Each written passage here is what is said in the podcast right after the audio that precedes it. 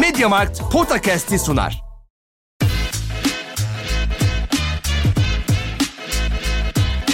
Potakast. Kaan Kural ve Orkun Çolakoğlu'yla NBA gündemine haftalık bir bakış.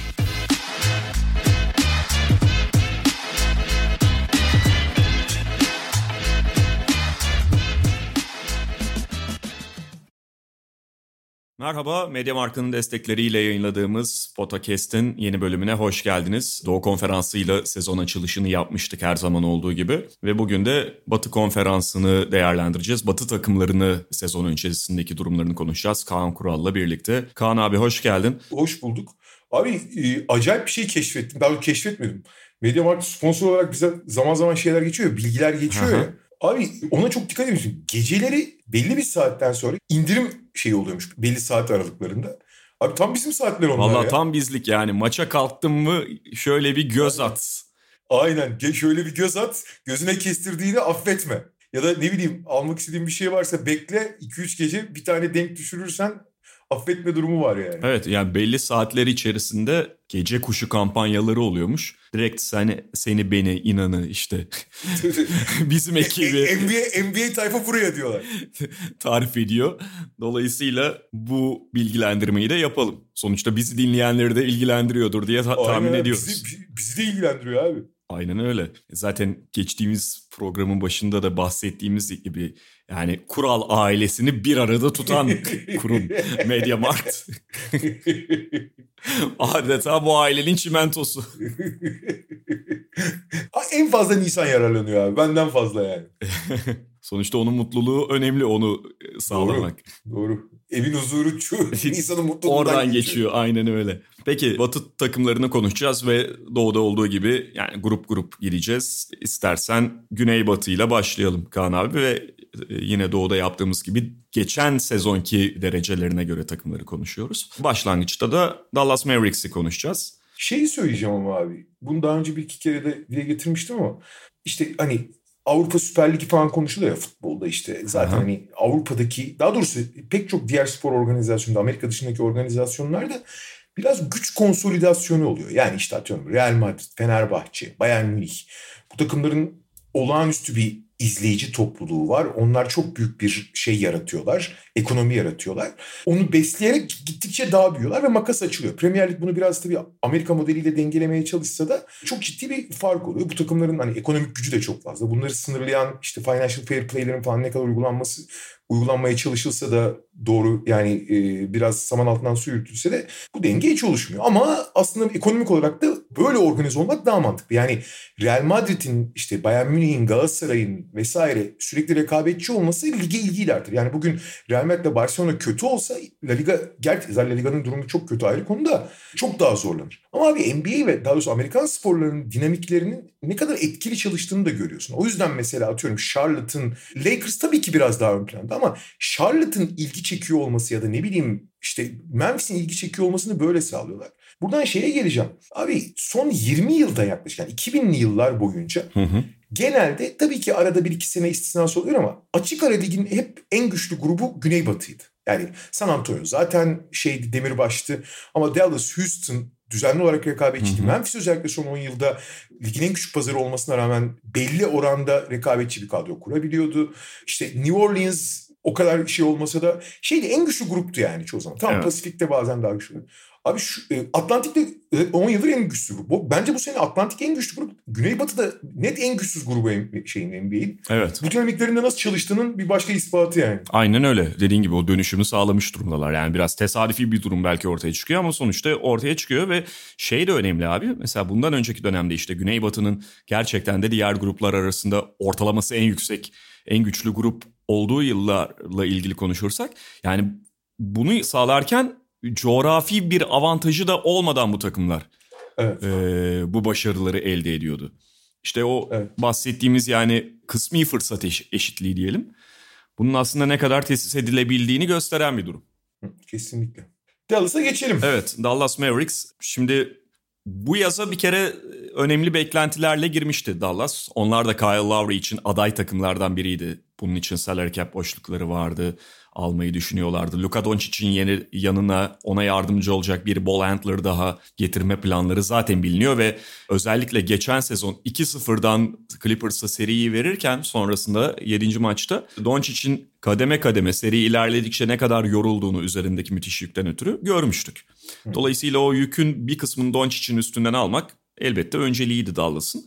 Kyle Lowry'i alamadılar ve şimdilik aslında direkt dış transferle bu eksiye yönelik bir şey yapabilmiş değiller. Sezon ortasında tabii Goran Dragic'i bir şekilde alma planları çok net biliniyor. Bu olacak mı, bunu yapabilecekler mi göreceğiz ama o günden beri zaten Kyle Lowry olmadığından beri Goran Dragic işte şeye Toronto'ya gittiğinden beri konuşulan bu. Zaten Doncic, Dragic hani uzun süredir yakıştı yan yana oynasalar denilen bir durum. Ama geçen sezonki kadroya e, ne eklediler diye bakarsak Reggie Bullock gibi bir şutörü eklediler ve hani 3 oyuncusu o kadrolarını zenginleştirecek. Jalen Brunson'ın muhtemelen biraz daha fazla artık rol almasını bekliyorlar. Zaten takımda önemli rol edinen bir oyuncuydu ama işte Doncic'e yardımcı olacak o ikinci ball handler konumunda Jalen Brunson önemli rol üstlenebilir ya da daha da rolünü artırabilir. Ve tabii ki en büyük meselelerden biri Kristaps Porzingis'i Jason Kidd yönetiminde biraz daha entegre edebilecekler mi ya da şöyle diyelim onu tekrar kazanabilecekler mi? Çünkü Porzingis kafaca biraz kaybol neredeyse Ben Simmons noktasına gelmiş durumdaydı geçen sezonun sonunu hatırladığımızda. Ve tabii geçen sezonun sonundan sonunun ardından ya da e, yaz döneminin başında Dallas'ın ciddi bir yönetim değişikliği, krizi sonrasında da değişikliği yaşadığını da söylemek gerekiyor. Bütün karar vericiler neredeyse Mark Cuban'ın altındaki birçok birim değişti e, teknik ekipte dahil olmak üzere. Evet, evet. Yani Jason Kidd'e kadar uzandı zaten işte. Ya kadrosal olarak aslında bahsedilebilecek tek değişiklik Josh Richardson yerine Reggie Block geldi. Josh Richardson Reggie Block'tan daha iyi bir oyuncu olduğunu söyleyebilirsin ama Reggie Block biraz daha uyumlu. Çünkü Josh Richardson'ın elinde top olmadan pek verimli olamadığını gösterdi. Hatta senin biraz evvel söylediğin Luka Doncic'in yanına ikinci top yönlendirici olması vizyonuyla çok iyi e, durumda olan yani çok iyi bir sezon geçen Seth Curry yerine onu almışlardı fakat bu deney hiç başarılı olmadı. Yani Seth Curry'nin verdiğini hiç veremedi. Seth Curry çünkü buradaki son sezonunu çok iyi geçirmişti. Josh Richardson da hani daha fizikli, biraz daha savunma yapabilen, daha top yönlendirebilen, belki o kadar keskin şutör olmasa da teorik olarak iyi bir parçaydı ama Josh Richardson ikinci top yönlen yani daha doğrusu Doncic'in yanına ikinci top yönlendirici bulmak çok zor. Çünkü Doncic öyle bir oyuncu ki bu heliosentrik diyorlar yani tek kişinin etrafına kurulan düzenler. Hı hı. E, son dönemin en popüler yapısı belki de. Abi Doncic onların şahikası. Yani belki bunun en iyi örneği kimdir? Lebron'dur değil mi yıllardır? Yani Lebron her şeye karar verir. Merkezdir. Onun etrafına e, yani o yıldızdır. Onun etrafına gezegenleri dizersin. Ve bu düzenle 10 yıldır falan NBA'yi domine eden bir yapı. Abi LeBron'dan daha merkezi bir oyuncu varsa Doncic o. Yani LeBron çünkü bunu belli yerlerde paylaşabiliyor. Daha başka şekillerde de oynayabiliyor. Bazen hadi son dönemde şütör bile oynuyor falan. Doncic öyle değil abi. Doncic hani usage rate diye bir şey var ya top kullan yani topu sahip olma. Abi o işte asist ve yani hücumdaki katkısını ölçüyor Cemce. Abi Doncic yüzde yani sahada olduğu sürenin yüzde 95'inde falan her şeye merkezindeki oyuncu. Hı hı. Onun yanına ikinci oyun kurucu bulmak çok zor. Hatta gerekli mi o da biraz tartışmalı bence. Yani o noktaya geldik artık. Doncic'i biraz yontmadan, Doncic'in oyununa biraz bir şeyler değiştirmeden bunu yapmak e, yapamıyorsun zaten. Geçen sene gördük, geçtiğimiz yıllarda gördük. Artı yapmak istiyor musun ya da başka bir yola mı gitmelisin onu bir düşünmen lazım. Daha çok ikinci top yönlendiriciden çok topla bir şey üreticiye belki de ihtiyaç var. Çünkü Doncic belki kariyerinin birkaç yıl sonra yani Lebron'u vari biraz o merkezden çıktığında da çok daha etkili olabilen ya da çıkmaya hazır. Doncic istemiyor da bu arada çıkmayı. Yani bu, oyun stilinden de çok memnun Doncic. Şimdi o olgunluk aşamasını yaşayacaklar. O yüzden de zaten ben hep söylüyorum şu anda tüm NBA'de yani LeBron dahil olmak üzere yanına takım kurması en kolay oyuncu Doncic. Abi Doncic'in yanında dört tane ağaç dik hı hı. sana iyi bir takım oluyor. Tek başına iyi bir takım yapıyor yani. Slovenya milli takımını falan da görüyoruz abi. Yani olur. Yani böyle olağanüstü bir oyuncu Doncic. Böyle olağanüstü bir. Fakat bu takımı iyi bir takımdan şampiyonluk adayı üst düzey bir takım yapma aşaması yani dediğim gibi ben hep söylüyorum işte 20 basamaklı bir sistem şey e, şampiyonluk yolculuğu 20 basamaklı bir merdiven gibidir. Tek başına LeBron için söylerdim onu zaman. 18 basamağı LeBron çıkarıyor son 2 basamağı çıkaracak biri lazım. Doncic 19 basamak çıkarıyor neredeyse. Ama abi o son basamağa çıkmak çok kolay iş değil. Çok orası işte oraya kadar her şey çok kolay. O son aşama anormal zor. Yani uygun parçaları bulmak için. Ki Josh Richardson teorik olarak öyle hiç olmadı mesela. Hı hı. Reggie Block bu açıdan daha uygun. Yani çünkü o topu çok elinde istemiyor. Daha savunma ağırlığı var. Oyun konsantrasyonu düşmüyor. Bir kere mesela en büyük şeylerden biri, zorluklardan biri böyle oyuncuların yanında oyun konsantrasyonu düşmeyen oyuncular bulmak lazım. Porzingis falan en büyük sorunlarından biri o mesela. Hı hı.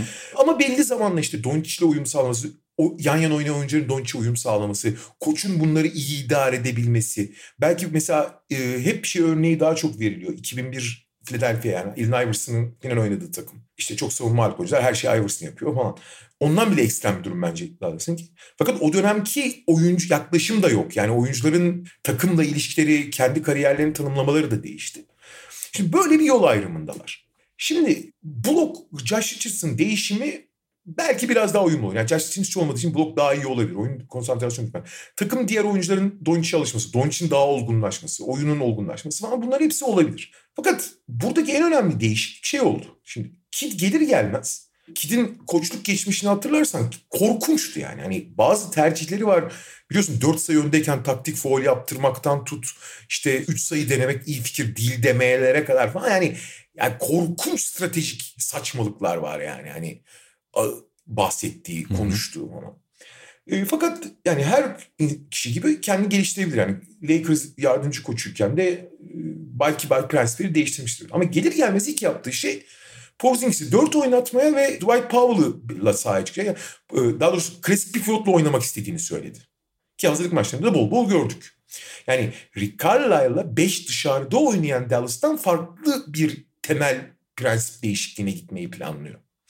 Şimdi bunun avantajları ve dezavantajları var. Dwight Powell e, sakatlıktan sonra %100 kendini tam bulamamıştı ama bu sezon umarız olur. Çok iyi saplanan bir oyuncu. Doncic'in yani Doncic her şeyi çok iyi yaptığı için göz ardı ama olağanüstü bir ikili oyun oyuncusu. İkili oyunda değişik alternatifler sağlayabilir. Fakat abi 5 dışarıda oynamanın getirdiği sınırsız savunulamama durumunu biraz zorlaştıracak bir yer. Başka mekanikler şimdi. Ne kadar başarılı olacağını göreceğiz. Doncic'in ne kadar değiştiğini falan. Porzingis'in yalnız 4 numara oynaması belli açılardan anlatıyor. Çoğu açıdan Porzingis'i biraz daha e, zorlayacak demektir. Çünkü 4 numara kovalamak daha zor. Porzingis savunmada potu altında sadece boyunu kullanarak duruyordu. Şimdi Porzingis'in savunma zaafları da ortaya çıkacak. Bunların sonuçlarını göreceğiz. Ama şöyle bir şey var. Porzingis bir kere çok sağlıklı ve iyi durumda gelmiş. Fiziksel olarak iyi gözüküyor yani. Geçen sene sakat başladığını falan unutmayalım. Ama Porzingis'in sorunu fizikselden öte büyük oranda psikolojik gibiydi. Çünkü yani Porzingis çok zor bir karakter. Bu arada Doncic de zor bir karakter. Hı hı. Çok pasif agresiftir Doncic de. E, Porzingis ise direkt agresif zaten. Yani direkt yani. Porzingis'le Doncic'in arasında bir ilişki kurmak, olumlu bir yani aynı yola baş koymaları sağlamak çok çok zor olacak. Hele ki Porzingis'in ana aktör olmadığı bir yerde e, onu oyunun içinde, kafaca oyunun içinde tutmak. Geçen sene görüyordun abi yani seyrediyorsun. Ya biraz çaba be abi. Tamam yapamıyorsun bazı şeyleri de. Hani bu kadar umursamaz olunmaz ki sahada diyorsun yani Porzingis'e. Hı hı. Hani kolunu kaldır bari diyorsun yani. Şimdi bunu sağlayabilecek mi? Kit Bunlar biraz soru işareti. Kid'in oyuncularla olan ilişkileri biraz grift. Mesela arkasından pek çok yönetici, izleyici falan çok kötü bahsetse de oyuncular genelde iyi bahsediyor. Mesela Antetokounmpo hala büyük stajla anıyor Kid'i. Eğer bir şekilde Porzingis ile Bonucci arasındaki psikolojik iletişimi kurabilirse teknik şeyleri yenmesi biraz daha kolay. Ama gider gelir abi. Yani insanları ikna etmek, konuşmak falan iyidir ama gider gelir abi teknik eksiklikler yavaş yavaş alttan şey yap, törpülemeye başlar. Yani teknik olarak en doğru yapıyı kuramazsan yani beş dışarıdanın getirdiği olağanüstü avantajları kullanamadan oynarsan yani illa ve illa maçın belli bölümleri var. İlla ve illa e, klasik beş numarayla oynamaya kalkarsan bunun teknik dezavantajları Dallas'ı çok köşeye sıkıştırabilir. Bu Milwaukee ile işte daha doğrusu Antetokounmpo ile ilgili bir kitap çıkmıştı ya Miran Fader'dı galiba yazarı. Tam işte yaz başlarında falan ya da işte playoff döneminde çıkmıştı. Kevin O'Connor promote ede ede bir hal oldu ya. Ben 30 tane kendim aldım aileme dağıtıyorum. Her gün reklamını yapıyordum. Allah Allah. Allah Allah. Ya şey ya kitabı okumadım da mesela Amerikan medyasında dolanmıştı belli kısımları. O şey Jason Kidd dönemi Milwaukee'nin. Sen söyledin işte Antetokounmpo'nun Kidd'le ilgili iyi, iyi konuştuğundan falan ama mesela Jason Kidd'in o dönemde bazı idmanlarda falan oyunculara yaklaşımının kötü sonuçlardan sonra, kötü maçlardan sonra çok böyle NBA'de kabul görmeyecek ya da hoş karşılanmayacak tipte yaklaşımı olduğunu yazmıştı o kitapta. Bir iki tane şey, örnek vermişti. Klasik Noel hikayesi var değil mi? Ha evet e, şeyi tabii tabii hangi seneyi de hatırlamıyorum 2015 mi ne bir anda izinlerini iptal ediyor.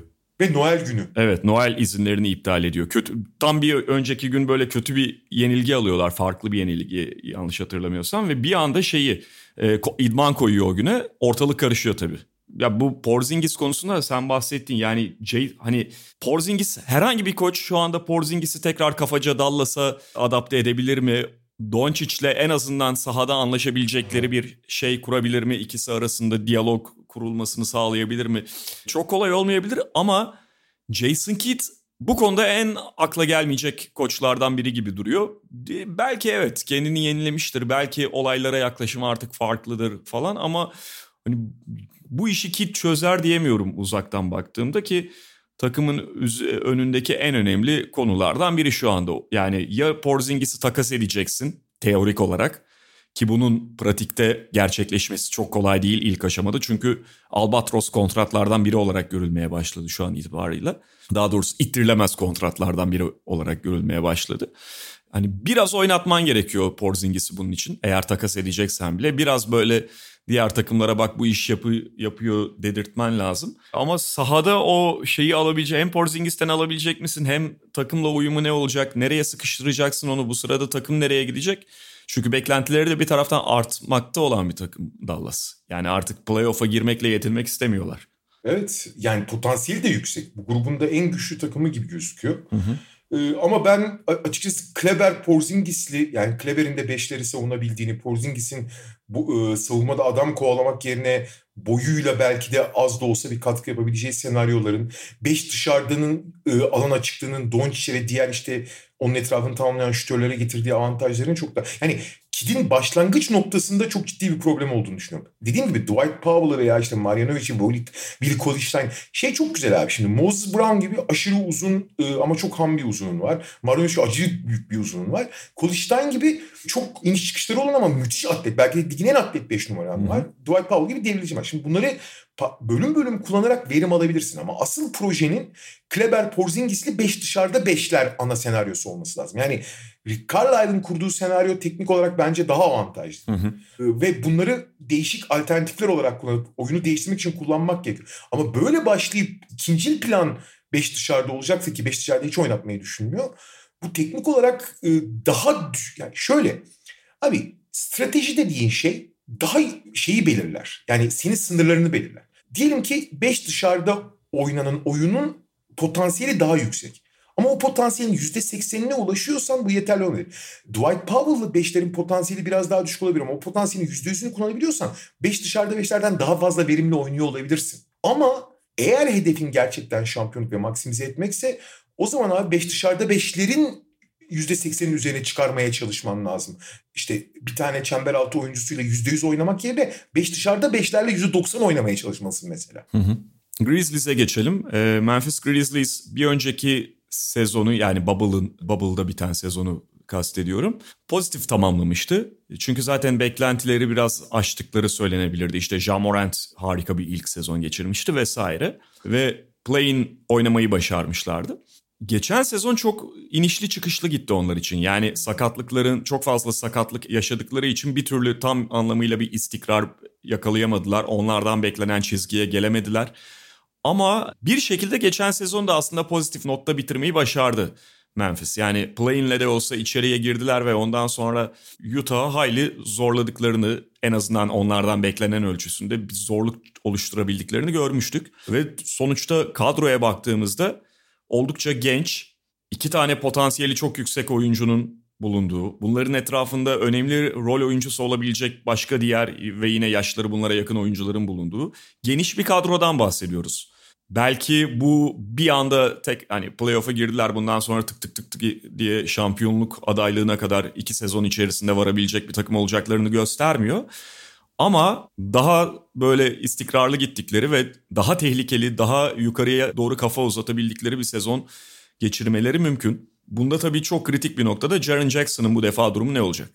Hani geçen sene çünkü Jaren Jackson döndükten sonra da tam beklenen Jaren Jackson düzeyinde değildi. Kısmen daha iyi gözüküyor şu anda. Ama bir sezonun tamamını sakatlıksız geçirebilecek mi ve Jamoran Jaren Jackson ikilisinin etrafında ne oluşturacaklar? Valla e, ligin en düşük, e, en küçük piyasası pazarı olarak inanılmaz sabırlı davranıyorlar ya. Yani Bubble'da sen söylediğin gibi de geçen sene Bubble'dan sonra abi biz potansiyelliyiz bir adım daha ileri atabiliriz aç gözlülüğü yerine işte daha uzun vadeli işte draft hakları olan ellerindeki yetişmiş oyuncuları takas etmeyi tercih yani Bu yaz sonunda gene yarım adım ileri atmış olmalarına rağmen senin söylediğin gibi yine konsolidasyonu ve daha uzun vadeli şeyler. Yani Grayson Allen'ı e, ve Jonas Valanciunas'ı geçen senenin önemli aktörü. İkisi de ilk 5 oyuncusuydu. Grayson Allen biraz mecburiyetten dolayı takımın çok ciddi bir şütör problemi olduğu için en iyi şütörünü ilk 5'e almak zorundaydılar. Yoksa ilk 5'e hak etmesi e, biraz tartışmalı bir konu. Ama Valanciunas da özellikle Jaren Jackson Jr.'ın hiç verim veremediği bir sezonda takımın en iyi ikinci oyun, iki oyuncusundan biriydi yani.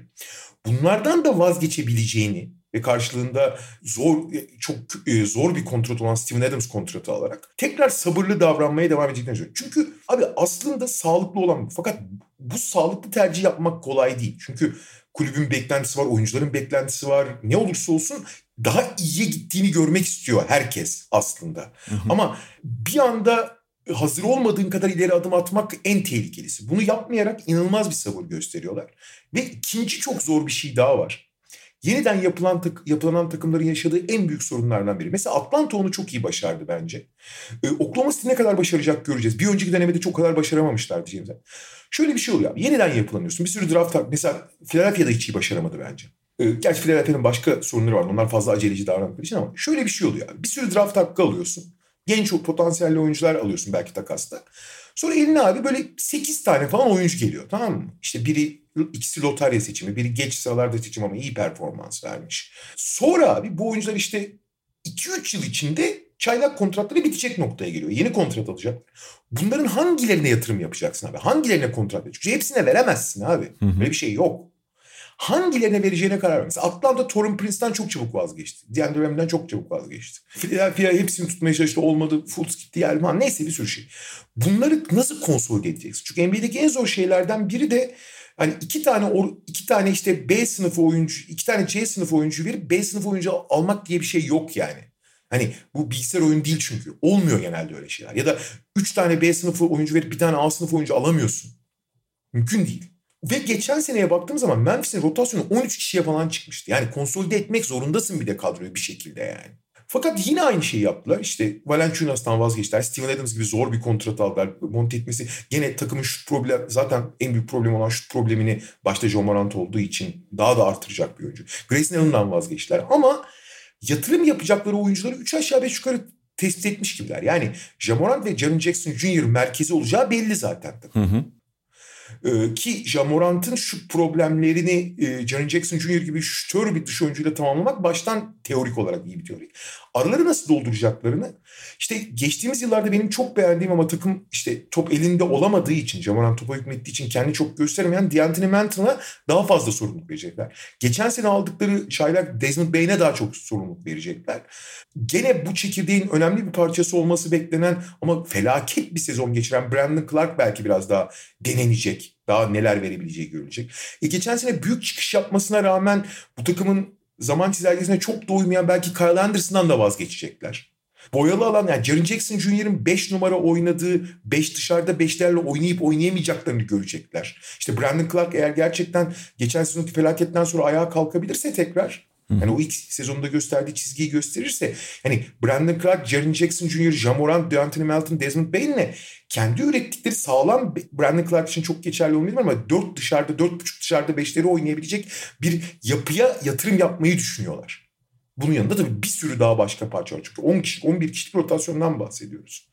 Ee, ama bir sene daha hem Jamorant ve Jaren Jackson Jr.'ın gelişimini görmek, hem Jaren Jackson Jr.'ın koca bir heba edilmiş sezondan sonra gerçekten o merkez kolon olduğunu ve görmek ve onun etrafında nasıl bir takım oluşacaklarını görmek açısından bir sene daha görecekler. E bundan sonra ama artık kararlar verilmek zorunda. Çünkü Jaren Jackson Jr.'a da Jamorant'a da kontrat verme zamanları geldi. Bundan sonra öyle esneklikleri de olmayacak. Hı hı. Ama e, eğer Jaren Jackson Jr. sakatlık öncesi gösterdiği çizgiyi gösterebilirse tekrar Jamorant'ın o muazzam liderliğini, oyun gelişim açlığını en azından vasata yakın bir şutla da birleştirebildiğini görürlerse işte DeAndre Melton benim gibi ya da başka onların da yani Memphis'in de beklediği gibi çıkışı gösterebilirse işte Desmond Bain'ler şeyler işte Tyus Jones'lar Kyle Anderson'lar Brandon Clark'lar tamamlayıcı olursa burada güçlü bir yapı var.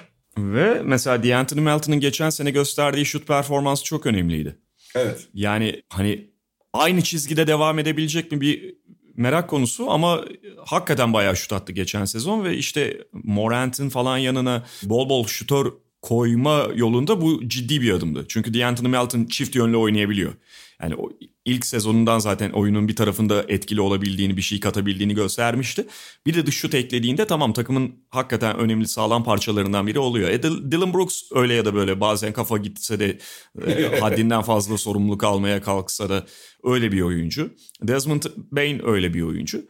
Bir tane konu var abi burada yani benim kafamı karıştıran Jaren Jackson'ın hani performansını falan onu bahsettik ne kadar kritik olduğundan da D'Anthony Melton, Dylan Brooks, Desmond Bain üçlüsünden diyeyim hangi ikisi oynarsa oynasın Morant'ın yanında bu biraz kısa kalabilecek bir şey oluşturuyor. Kısa tayfası Doğru. oluşturuyor Memphis'te. Doğru. Zaman zaman onun zaten problemini yaşıyorlar. E şimdi oraya hani fizik olsun diye Kyle Anderson'ı koyduğunda da başka problemleri beraberinde getirebiliyor o. Ama yani sonuçta hala geniş bir kadroları var ve o kadro içerisinden başka parçaları deneyerek de altından kalkamayacakları bir durum değil. Ee, Jaren Jackson Jr.'ın ne kadar iyi bir oyuncu olduğunun testi ve Brandon Clark'ın hayata dönmesini bekliyorlar her şeyden Hı-hı. önce ama.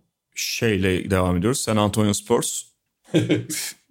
San Antonio Spurs için artık yani her sezon başlarken işte bu geçen sezon başında falan da böyle bir şey tereddütü vardı. Yani ulan öyle ya da böyle Demar DeRozan'dı bilme Aldridge'di. Yani playoff'u yine zorlar mı? Ucundan playoff yapar mı? Hala bu konuşuluyordu ama bu sezon biraz daha farklı bir rahatlıkla girdiklerini söyleyebiliriz. Yani onlar açısından rahatlık. Artık zaten playoff serileri de bitmişti iki sezon, önceki sezon ve bu takım iddialı olmaya daha doğrusu yarışmacı olmaya devam etme şartlanmasıyla hareket etmiyor. Bir yeniden yapılanmaya girdikleri söylenebilir. Problem şu. San Antonio tam an, yani bir yeniden yapılanmaya mecburen girdiler ama bu gerçek gerçek anlamda olması gerektiği gibi bir yeniden yapılanma mıdır? Yoksa yıllarca playoff'u kovalarken işte o yeniden yapılanma düğmesine basmadıkları yıllarda bir takım fırsatları kaçırdılar mı ve ellerindeki malzeme şu anda gerçekten üzerine eğilmeye değer bir malzeme mi? O kadar genç mi, o kadar yetenekli mi? San Antonio için bu aşamada konuşulması gereken bu. Abi yeniden yapılanma dediğin şey çekirdek bulmaktır. Hı hı. Yani o çekirdeği işte mümkünse 3 ama e, en az 2 tane oyuncuyla bulmaz. Ve bu oyuncuların seviyesi senin yeniden yapılanmanın da seviyesinde. Eğer Joel Embiid'i bulursan işte ne bileyim Lebron'u bulursan, Anthony Davis'i bulursan yeniden yapılanıyorsun. Bulamazsan da bir yere kadar gidebiliyorsun. Ee, San Antonio'da hiçbir zaman çok kötü olamadığı için, en kötü olamadığı için o parçayı bulmak daha da zorlaşıyor. Ha 14'ten Kava'yı buluyorsan ne hala ya da 13'ten işte 15'ten mi ne Antetokounmpo'yu buluyorsan. Ve onu bulabilmiş gözükmüyorlar ama bu sene artık tamamen rekabetçi olmak en azından kağıt üzerinde rekabetçi olamayacak bir kadroyla çıkıyorlar. DeRozan'la işte LaMarcus Aldridge'le başladıkları bir sezonda hala belli bir rekabetçilik çünkü o oyuncuların ana aktör olduğu bir yer o öyle veteranların yani şeyi gösteriyor sana yani ileriye hedeflemediğini daha bugün hedeflediğini gösteriyor. Ama şu anda öyle bir kadro yok artık ellerinde. Yani tamamen yani Teddy Young'ı saymıyorum. çünkü takasla geldi zaten. DeRozan takasında geldi. Ee, onu da muhtemelen sezon içinde takas edeceklerdir bir yere. Ya da sezon sonunda fark etmez yani şu anki eldeki kadro tamamen hani kariyerlerini tanımlamaya çalışan seviyedeki oyuncularla kurulu. Bazıları biraz daha kendini göstermiş, bazıları çok gösterememiş. Bu oyuncularla yani bir nevi yeniden yapılanma oldu ama ben, bunların hangisi çekirdek olabilir dersen e, o biraz tartışmalı. Yani hiçbirinin çekirdek ol yani hepsinin belli potansiyeli olsa da çekirdek olabilecek çok fazla durumları yok. Ama yani sahada ne yaparlar dersen şimdi sahada şöyle bir sorun var. Bu takım zaten hücum anlamında son derece sınırlı bir takımdı geçtiğimiz yıllarda. Özellikle şut konusunda çok problemli. Popovic'in de inatla 3 sayı temelli oynamama ısrarı ya da 3 sayı volümünü düşük belli seviyenin altında tutma ısrarı e, zaten biraz daha ilkel demek istemiyorum ama e, daha daha az verimli sistemlerle oynamalarını sağlıyor. Ve DeMar DeRozan'ın, Aldridge'in o tip yani büyük balıkların, orta mesafe temelli oynayan büyük balıkların varlıkları. Öyle ama şimdi onlar olmasa da aynı şey. İşte Dejounte Murray olsun, Calvin Johnson var. Yani e, Popovic demeçlerine de söylüyor. Yani üç sayıları belli bir seviyenin altında tutmak istiyor. Ama abi bu yeterince... Şöyle San Antonio her zaman sistemini mükemmel... Hani diyorum ya daha düşük seviye, daha düşük potansiyelli bir sistemi yüzde yüz yaparak daha başarılı oluyor. Yani daha potansiyelli bir sistemi yüzde doksan oynayanı yeniyor daha düşük potansiyelli bir sistemle. Yani işte atıyorum 100 gücünde bir sistemin var. %90 oynuyorsun 90'da. Senin 95 gücünde bir sistemde %100 oynarsan 95 gücünde oynuyorsun yani. En basit matematik. Ama şimdi takıma yeterince şütör almazsan abi artık çok sıkışıyor oyun. Yani o pas trafiğiyle işte beautiful game deniyor. Artık öyle sonuca varmana imkan yok. Yani iyi hücum ediyorsan artık iyi hücumun standartları çok değişti. Çok yukarıya çıktı iyi hücum standartı. Yetmiyor yani. Hakikaten yetişemiyorsun. Ve bu takımda Doug McDermott bu sezon gelen Doug McDermott dışında iyi şütör yok. Doug McDermott çok iyi bir sezon geçirdi. Ama başka şütör yok. Çok sıkışık. Ve hücum potansiyelleri de e, Doug McDermott dahil olmak üzere çok sınırlı oyunculardan kurulu. Diğer tarafta da yani Toronto'ya çok benziyorlar bu açıdan bence. Hatta Toronto'nun daha ekstrem hali. Olağanüstü bir savunma malzemesi var aslında. Dejounte Murray, Derek White ligin en iyi sav- guard ikili, savunma guard ikilisi olabilir. Jacob Poeltl hakkı yenecek derecede iyi. Ligin en iyi 5 çember savunucusundan biri olabilir. E abi onların yanına Keldon Johnson, işte Devin Vassell, e, şey, Lloyd Walker falan eklersen Doug McDermott'un olmadığı beşlerden bahsediyorum. Abi ligin en iyi savunması olabilecek ya da en iyi üst savunmasından biri olabilecek potansiyele sahipler. Ama hücum, abi hücum yani hakikaten son derece sınırlı oyunculardan ve çok sınırlı, çok sıkışık bir sistem oynamak zorunda. Şu eksiğinden dolayı bir takım. bu kadar kutuplaştırıcı bir yapı çok çok ilginç yani. Hem öyle abi hem de mesela Jakob Pöltl evet savunmada e, önemli bir artı ama hü- hücum performansı ile birlikte düşündüğünde ya da takımın hücum sıkışıklıkları ile birlikte düşündüğünde maç başına kaç kaç dakika bu adam süre alacak? Şimdi bu bir. Derek White zaten çok fazla sahada şey ol e, sağlıklı kalamıyor yani onun kariyerinin başından beri maalesef öyle bir problemi var.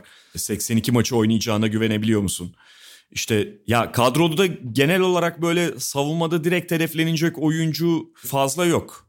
Yani çok fazla bir reinforce barındırmıyorlar. Ama abi bu bahsettiğimiz temel savunma taşları da e, sürekli birlikte oynamayabilir.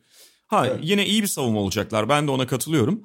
Fakat abi geçen gün işte Toronto'da da konuşmuş, e, konuşmuştuk. Yani 2021'de artık iyi bir savunma takımı olmak seni playoff'tan içeriye atmıyor. İlk 8'in içerisine atamıyor. Vasat bir hücum bile yeterli olmuyor zaman zaman buna. 2021'de olmuyor. Ama şey bu takımın disiplini olacağına da şüphe yok. San Antonio tabii, geleneklerinden tabii. dolayı. Pek çok takımı sadece ve sadece savunmadaki bıktırıcılıklarıyla maçtan düşürebilirler. Ama bu gidişat orta vadede de iyi bir fikir değil yani. Yani yaklaşımın değişmesi gerekiyor yani. Ya bir kere çok coachable bir kadro bu ve Greg Popovich mesela şu anda takım iddiasını, playoff iddiasını artık getirmiş gibi gözükse de koçluğa devam ediyorsa bence bu tip çok yoğurabileceği oyuncularla çalışıyor olmasının bunda etkisi büyük. Bence de. Bakalım. New Orleans çok büyük skandal oldu geçen sezon. Stan Van Gundy geldi ve gitti zaten. 4 yıl galiba kontrat vermişlerdi. Evet. Yani bir yılından sonra kovmuş oldular Stan Van Gundy'yi. Genel menajer David Griffin'in ki ne kadar böyle şey gelmişti hatırlarsın. Hem beklentiyle geldi hem de gelir gelmez işte o Anthony Davis takısı bir sürü aset elde etmesiyle falan direkt kendi kredisini de arttırmıştı. Ama o krediden hızlı biçimde yediğini görüyoruz David Griffin'in bir takım tercihlerle birlikte. Ve çok somut biçimde ortada olmasa da Zion Williamson baskısı giderek artıyor takım üzerinde. Yani çünkü sürekli bir Zion Williamson burada mutlu değil e, ve takımda başarıyla eğer Zion'ın karşısına çıkamazsa, onu ikna edemezse kısa zamanda bu takımla bağları iyice kopabilir, kendisini göndermelerini isteyebilir vesaire bu tip laflar dolanıyor. Üzerlerindeki baskı bu anlamda büyük.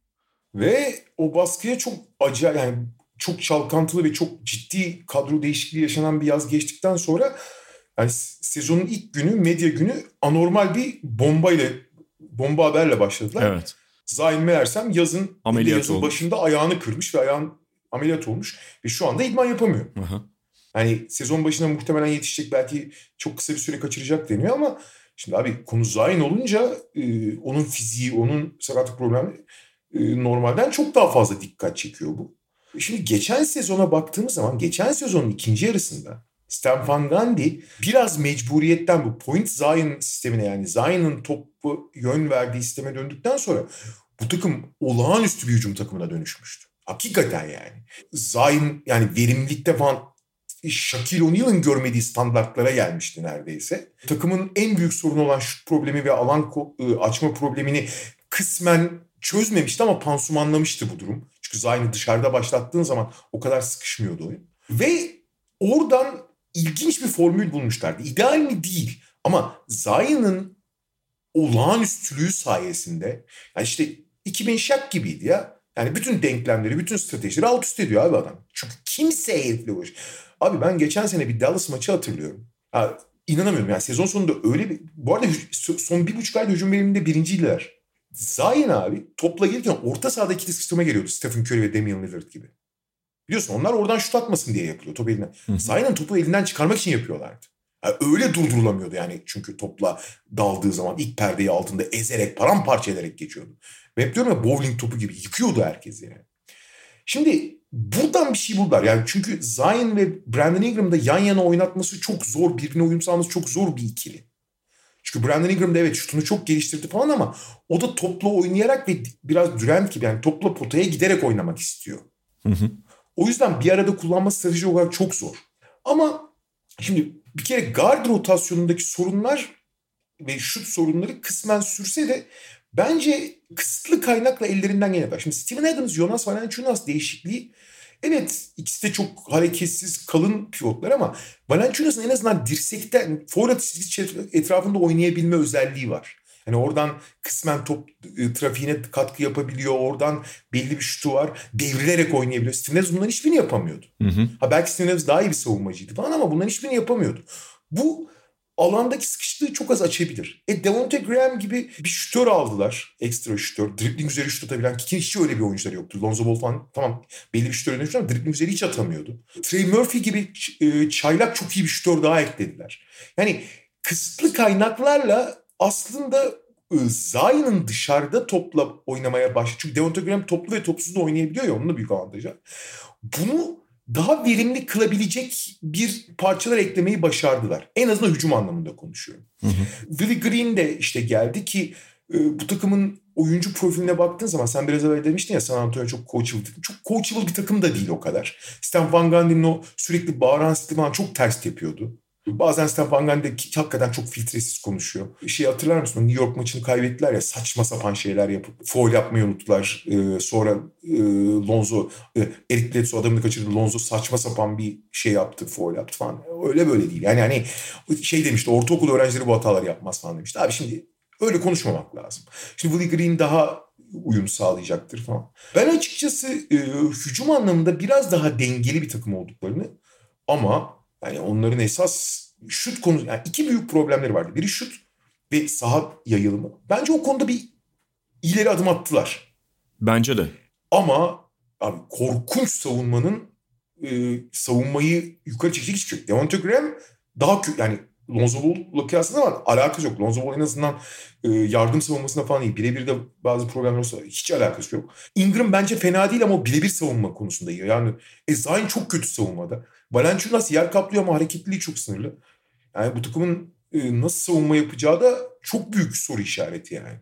Geçen seneye göre biraz daha geniş kadro kullanabildiklerini görebiliriz. Yani görelim artık zaten.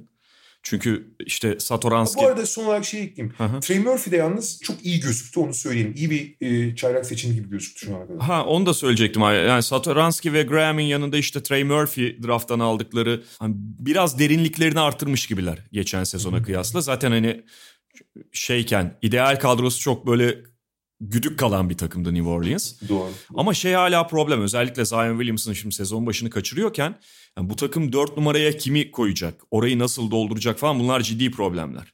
Kısa beşlileri çünkü çok ikna edici kısa beşler olmuyor. Yani bir taraftan işte Zion Williamson'ı sağlıklı şeylerini e, olduğu senaryoları konuşuyorum. Beşe kaydırıp e, işte Ingram hard forvetler falan oynuyorsun. Ama çok kısa kalıyordu takım ve aynı Zayn problemler de- devam edebilir. Bir de hiç savunma bilmiyor abi. Tamam Öyle. çaylak yılından biraz adam var. Ama abi bunlar gidip geliyor. Tamam bunların hepsi iyi tamam iyi hoş. Nickel Alexander Walker'dan daha çok şey bekliyorlar falan. Tamam eyvallah. Fakat abi Zayn'ın %100 olmadığı her senaryo boşa konuşuluyor bence yani. Tabii ki. Ki çok endişe verici abi bu sakatlık yani.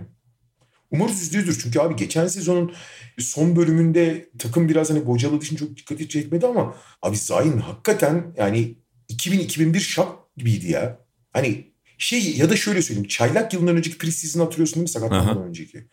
Yani Gober'i Mober'i potanın içine sokup duruyordu.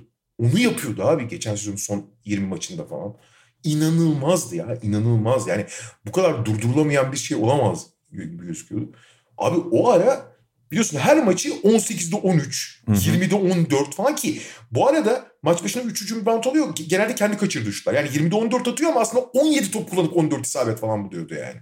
Hani akıl almaz şeyler yapıyordu ya. Ama işte bir taraftan bu sakatlık konusu e, giderek endişe veren bir hale geliyor Zayn Çok. açısından. Yani farklı sakatlıklar belki işte diz sakatlığı işte zaten e, çaylak sezonunun başının büyük bölümünü kaçırmıştı falan ama şimdi böyle ayak kırığı falan zaten çok güven vermeyen bir vücut yapısı var. Bundan sonrası ne olacak sorusunu sorduruyor. Abi çok ağır olmasının yanı sıra o kadar patlayıcı ki eklemlere, kemiklere binen yük Evet. katlanarak artıyor patlayıcılıktan dolayı. Evet, evet. Grubun en iddiasız takımı Houston Rockets. Yani hani San Antonio'yu biraz konuştuk ama Houston Rockets iyice beklentisiz giriyor. Mesela San Antonio'nun aksine onlar gerçek anlamda bir yeniden yapılanma içerisindeler. Zaten hani draft seçimlerinin sayısı ve profilleri de bunu ortaya koyuyor. Bir tanesinde Alperen olmak üzere. İşte geçen sezonun ortasında Kevin Porter'ı almışlardı. O yine üzerine eğilmek istedikleri ve ufak da olsa bir şeyler, ufak değil hatta yani bir şeyler gösteren bir oyuncu. Tabii ki oyuncuya çok tam anlamıyla güvenemiyorsun ama yetenekli olduğu açık. Jalen Green şu an hem yaz ligi hem şey iyi gözüküyor. Yani çok fazla toyluk falan gösterecektir ama Jalen Green'de zaten Houston Rockets'ın bir hatırlarsın yani çok önceden Jalen Green'i gözüne kestirdiği haberleri de vardı draft öncesinde. Biraz istedikleri tip oyuncuyu oyuncu profilini bulmuş gibiler. Bu takım artık yeniden yapılanmaya tam anlamıyla girdi. Geçen seneki Harden kriz ve devamında yaşadıklarının ardından bu seneki draftla birlikte yeni sayfayı açtı. Zaten John Wall'la da devam etmiyorlar. Muhtemelen işte Eric Gordon'un falan sezon içerisinde bir şekilde yollayabilirler. Tamamen böyle bir takım ortada ve oldukça da ilginç bir takım. Yani biz zaten yakından takip ediyoruz biraz daha Alperen'den ötürü ilgimizi çekiyor falan ama bu genç yetenek şeyi topladıkları hiç fena değil. Fena değil ama şöyle bir sorun var. Ya bir kere yani yıllardır Harden etrafına e, bütün yatırımlar yapıldıktan sonra Harden ayrılınca yani bütün yapı yıkıldı. Şimdi daha enkaz kaldırma çalışması var. Yeniden bir şey yapmıyorlar. Yani enkazı bir kaldırmaya çalışıyorlar. E, o enkazlardan biri de işte Russell Westbrook sonra John Wall'a dönüştü. Şimdi John Wall'u at- atamazsın, satamazsın yani. Ama bir takım işte bu sene 3 tane ilk tur draft seçimiyle işte bir parçalara 4 tane pardon Dört. eklemeye çalıştılar.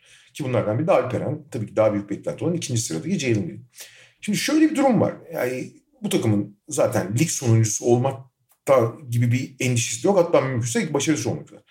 Fakat abi e, bir Houston zaten çok iyi bir kulüp kültürüne sahip işte yani kulüp kapısından içeri girer girmez belli öğretilerin olduğu işte oyuncu gelişimine ve oyuncunun hani hem teknik hem şey zihinsel gelişimine çok katkı yapan bir ekosisteme sahip bir yer değil. Bunu hep anlatırlar zaten. Yani çok başıboş bırakıyorlar oyuncuları.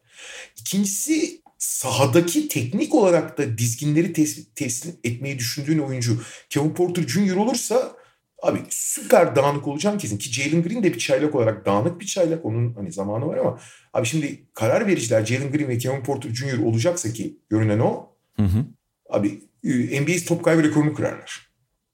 Bir. ikincisi Kevin Porter Jr.'ın ne kadar yetenekli olursa olsun NBA'in en uçuk ve en kontrolsüz karakterlerinden biri olduğunu da biliyoruz. Hı hı. O da genç, o da zamanla olgunlaşabilir ayrı konu ama abi hani büyük manyak yani. Hakikaten büyük manyak yani. E şimdi böyle bir senaryoda bir yapı kurmak, iyi alışkanlıklar edinmek, kazanmaktan bahsetmiyorum. Yani e, oyuncu bazının dışında basketbol anlamında e, adımlar atmak hiç kolay değil. O yüzden mesela Alperen'in işi çok zor olacak. Alperen şu ana kadar en dikkat çeken çaylaklardan biri. Seçildiği yere göre söylüyorum. Tabii ki Kate Cunningham'in, Jalen Green'in beklentileri daha yüksek ama Alperen herkese dikkatini çekti. Ve e, Alperen'in o doğal basketbol içgüdüleriyle toplu oynayabilmesi için bu 82 maçlık maratonda aldığı dakikalar hiç konsantrasyonu kaybetmesi. Ama bu oyuncuların yanında çok zor abi bu.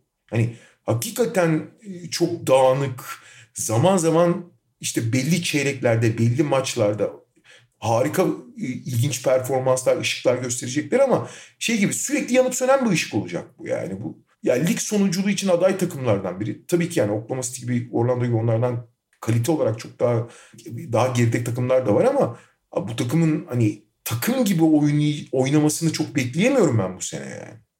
Şimdi atıyorum Kevin Porter Jr. ve Jalen Green iki tane ana karar verici olsa da zaten geçmiş olsun da onları tamamlayabilecek aklı başında belli bir olgunlukta kanat manat da yok yani. Bir abi de yok doğru düzgün takımda. Yani saldım çayıra Mevlam kayıra bir durum olacak yani. Ki geçen sene Silas'ın da bu takıma herhangi bir düzen çok veremediğini gördük. Adam ağlıyordu hı hı. E, basın toplantısında. Tabii geçen sene çok çok zor bir sezon. Yani Harden protesto edince falan ama ya ben bu sene de NBA'nin dağınık takım olmalarını bekliyorum yani. Yani dağınık olacakları falan muhakkak. Ee, zaten iddialı olmayacakları da ortada.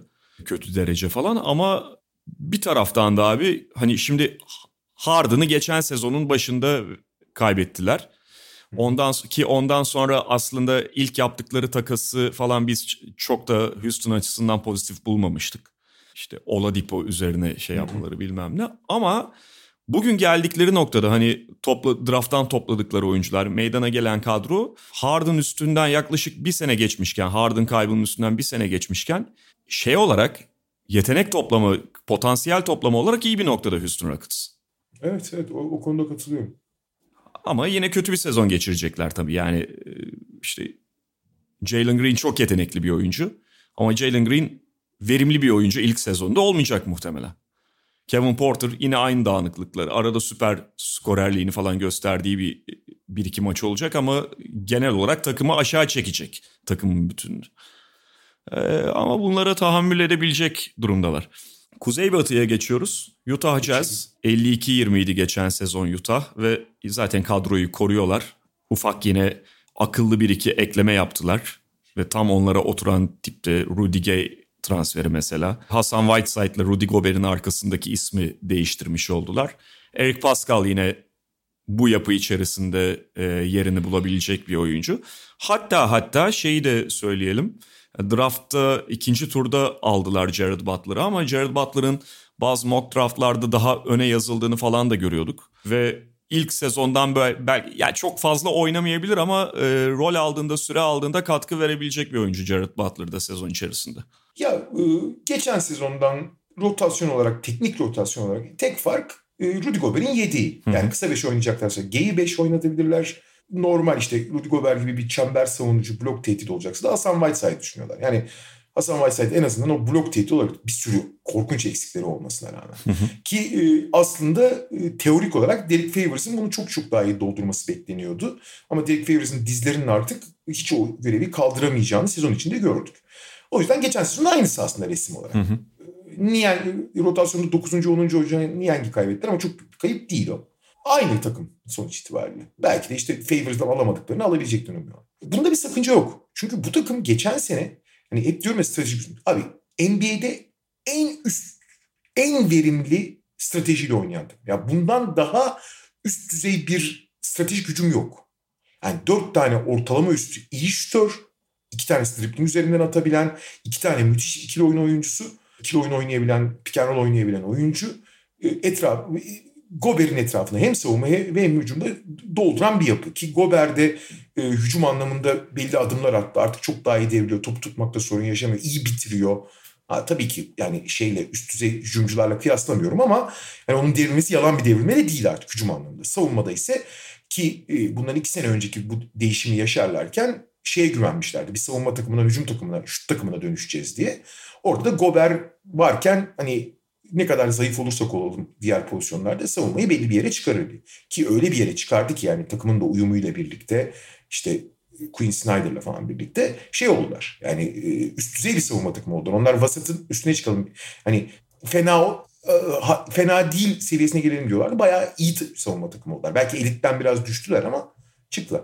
Şimdi bunu tekrarlamak çok mantıklı yani. Bu bundan daha iyisi olmaz çünkü. Ya bu teorik olarak olabilecek tamam. Burada işte oyuncuların bir sene daha uyum sağlaması, daha sağlıklı kalmayı ummayı düşünüyorlar. Mike Conley'nin arka arkaya oynayacak maçlarda oynamayacağı açıklandı. Yaşından ve artık, artık sürekli tekrarlayan hamstring sorunları yüzünden. Ee, burada kritik konu Donovan Mitchell bir adım daha ileri atabilecek mi? Yani Donovan Mitchell mesela pek belli etmiyor ama olağanüstü bir şütöre dönüştü abi. Hani Donovan Mitchell'ın çoğu zaman hücumun e, sürümden çok kazanan bir takım. Ben hep hücumu ikiye ayırıyorum abi genelde. Sürümden kazananlar şeyden kazananlar işte kahramanlıktan kazananlar. Takımın normal düzenleri içinde bulduğu şutları en iyi yapan yani strateji strateji zaten onu en iyi yapmanı sağlar. En fazla ve en verimli şekilde üretmeni sağlar. Utah konuda olağanüstü ama öyle ya da böyle abi maç başına 100 tane hücum ediyorsun. Arada sistemin durduğu, takıldığı, hata yaptığı yerlerde sıkışınca birini kurtarması lazım. Sorun da orada. Donovan Mitchell dışında böyle bir oyuncuları yok. Ha işte Ingles, Mike Conley ikili oyun oynamaya çalışıyor ama onlar tam bir çözüm değil. Yani oralarda bir yaratıcılık gerekiyor. İşte Donovan Mitchell o yüzden zaten şut yüzdesine aşırı yansımadı ve orada kullandığı şutlar. Yani yoksa gerek dribbling üzerinden gerek geçen şutlarda falan yüzde kırkları böyle elit şutör oldu Donovan Mitchell. Ha yaratıcılığı da bununla birleştirebilirse orada da bir aşama kaydederse bu takım ligin en iyi hücumlarından biri olabilir. Yani personelinden çok çünkü personelinin çok üzerine koyan bir stratejisi var. E savunma da zaten Gober'in etrafında şekillendiği için bu yani geçen senenin daha sağlıklı ve özellikle Donovan Mitchell üzerinde biraz daha iyi bir sezon geçirmesi durumunda Utah net bir şekilde iddialı olduğunu düşünüyor ve bence haklılar. Öyle ama son iki... Ha bir tek, pardon bir tek şey söyleyeceğim. Bir tek şey var abi. Geçen sezonun tekrarlanması ile ilgili olarak bir tek endişem var her oyuncunun sağlıklı kaldıkları sürece tabii geçen sezonu tekrarlayabileceğini ve hatta uyumdan dolayı daha iyi olabileceğini düşünüyorum. Bir tek Jordan Clarkson hariç. Jordan Clarkson geçen sene hakikaten psikopat bir sezon geçmiş de öyle o kadar iyi bir sezon geçirmesi kolay değil yani. Bu işte yaratıcılık ve şey konusunda savunma konusunda iki şey söyleyeceğim. Yani e, takımın iki ana yaratıcısının görece ufak tefek olmaları önemli problemlerinden biri. Yani bu özellikle playoff eşleşmesinde bir de ters rakip, ters matchup denk gelirse ciddi bir problem haline dönüşebiliyor. Mike Conley, Donovan Mitchell. Bununla birlikte abi şey yani evet savunmaları hala tabii ki iyi bir düzeyde Rudy Gobert'in temelinde. Fakat işte Clippers gibi rakiplerin de ha. geçen sene e, eksiklerine rağmen ki ondan önce de mesela Houston Utah'ın canını sıkıyordu. Ama Houston zaten şampiyonluk adaylarından biriydi. Yani geçen sene bütün o eksiklerine, so, Kawhi Leonard sakatlığına falan rağmen Clippers'ın Utah açışı ve Utah savunmasının hiçbir karşılık veremeyişi, o verdikleri son maç falan o ciddi o çok ciddi bir soru işareti e, Utah'la ilgili olarak. Yani 5 beş dışarıda 5 dışarıda 5'lere karşı çok zorlanıyorlar. Evet, evet. Yani o zaman çünkü hiç e, temelinde Gober'in olduğu ve buna yaslanan belli düzeyi de mutlaka koruyan bir savunma falan kalmıyor. Ondan sonra her yerden su alan bir savunmaya dönüşüyorlar. E, tabii ya o Clipper yani Houston serileri biraz e, şey de geçen sene biraz da şanssızlardı ya. Yani e, Red Jackson aklını yitirdi. Bir de işte hem Donovan Mitchell hem Mike Conley sakattı falan. Yani belki tam kadro olsa biraz daha farklı bir şey görürdük ama 5 dışarıda 5'lere karşı çok zorlandıkları kesin canım. Çünkü gardlar çok geçirgen abi. Gardlar geçirgen olduğu zaman e, başka problemler çıkıyor. 5 dışarıda olduğun zaman da işte Gober'i yardıma gelmekte zorlanacağı bir noktaya attığında çok problemler başlıyor. Haklısın o konuda. Denver Nuggets geçen sezon e, Aaron Gordon takasını yaptıktan sonra bize göre şampiyon, net şampiyonluk adayları arasına girmişti. Ee, yani hatta ben o dönem işte şey diyordum yani Denver Brooklyn'le finalde eşleşirse yok içten ötürü ve Brooklyn'in yok içe yanıtsızlığından ötürü favori olabilir diyordum. Ama maalesef sakatlıklar onları da etkiledi. İşte Jamal Murray devre dışı kaldı falan. Ve bu sezonu da yine Jamal Murray'nin yokluğu çok büyük ölçüde e, şey yapacak, belirleyecek gibi. Yani dönerse de sezonun sonlarına doğru ve hangi kapasitede döneceğini bilmiyoruz. Şu anda çapraz bağ sakatlığından gelecek çünkü.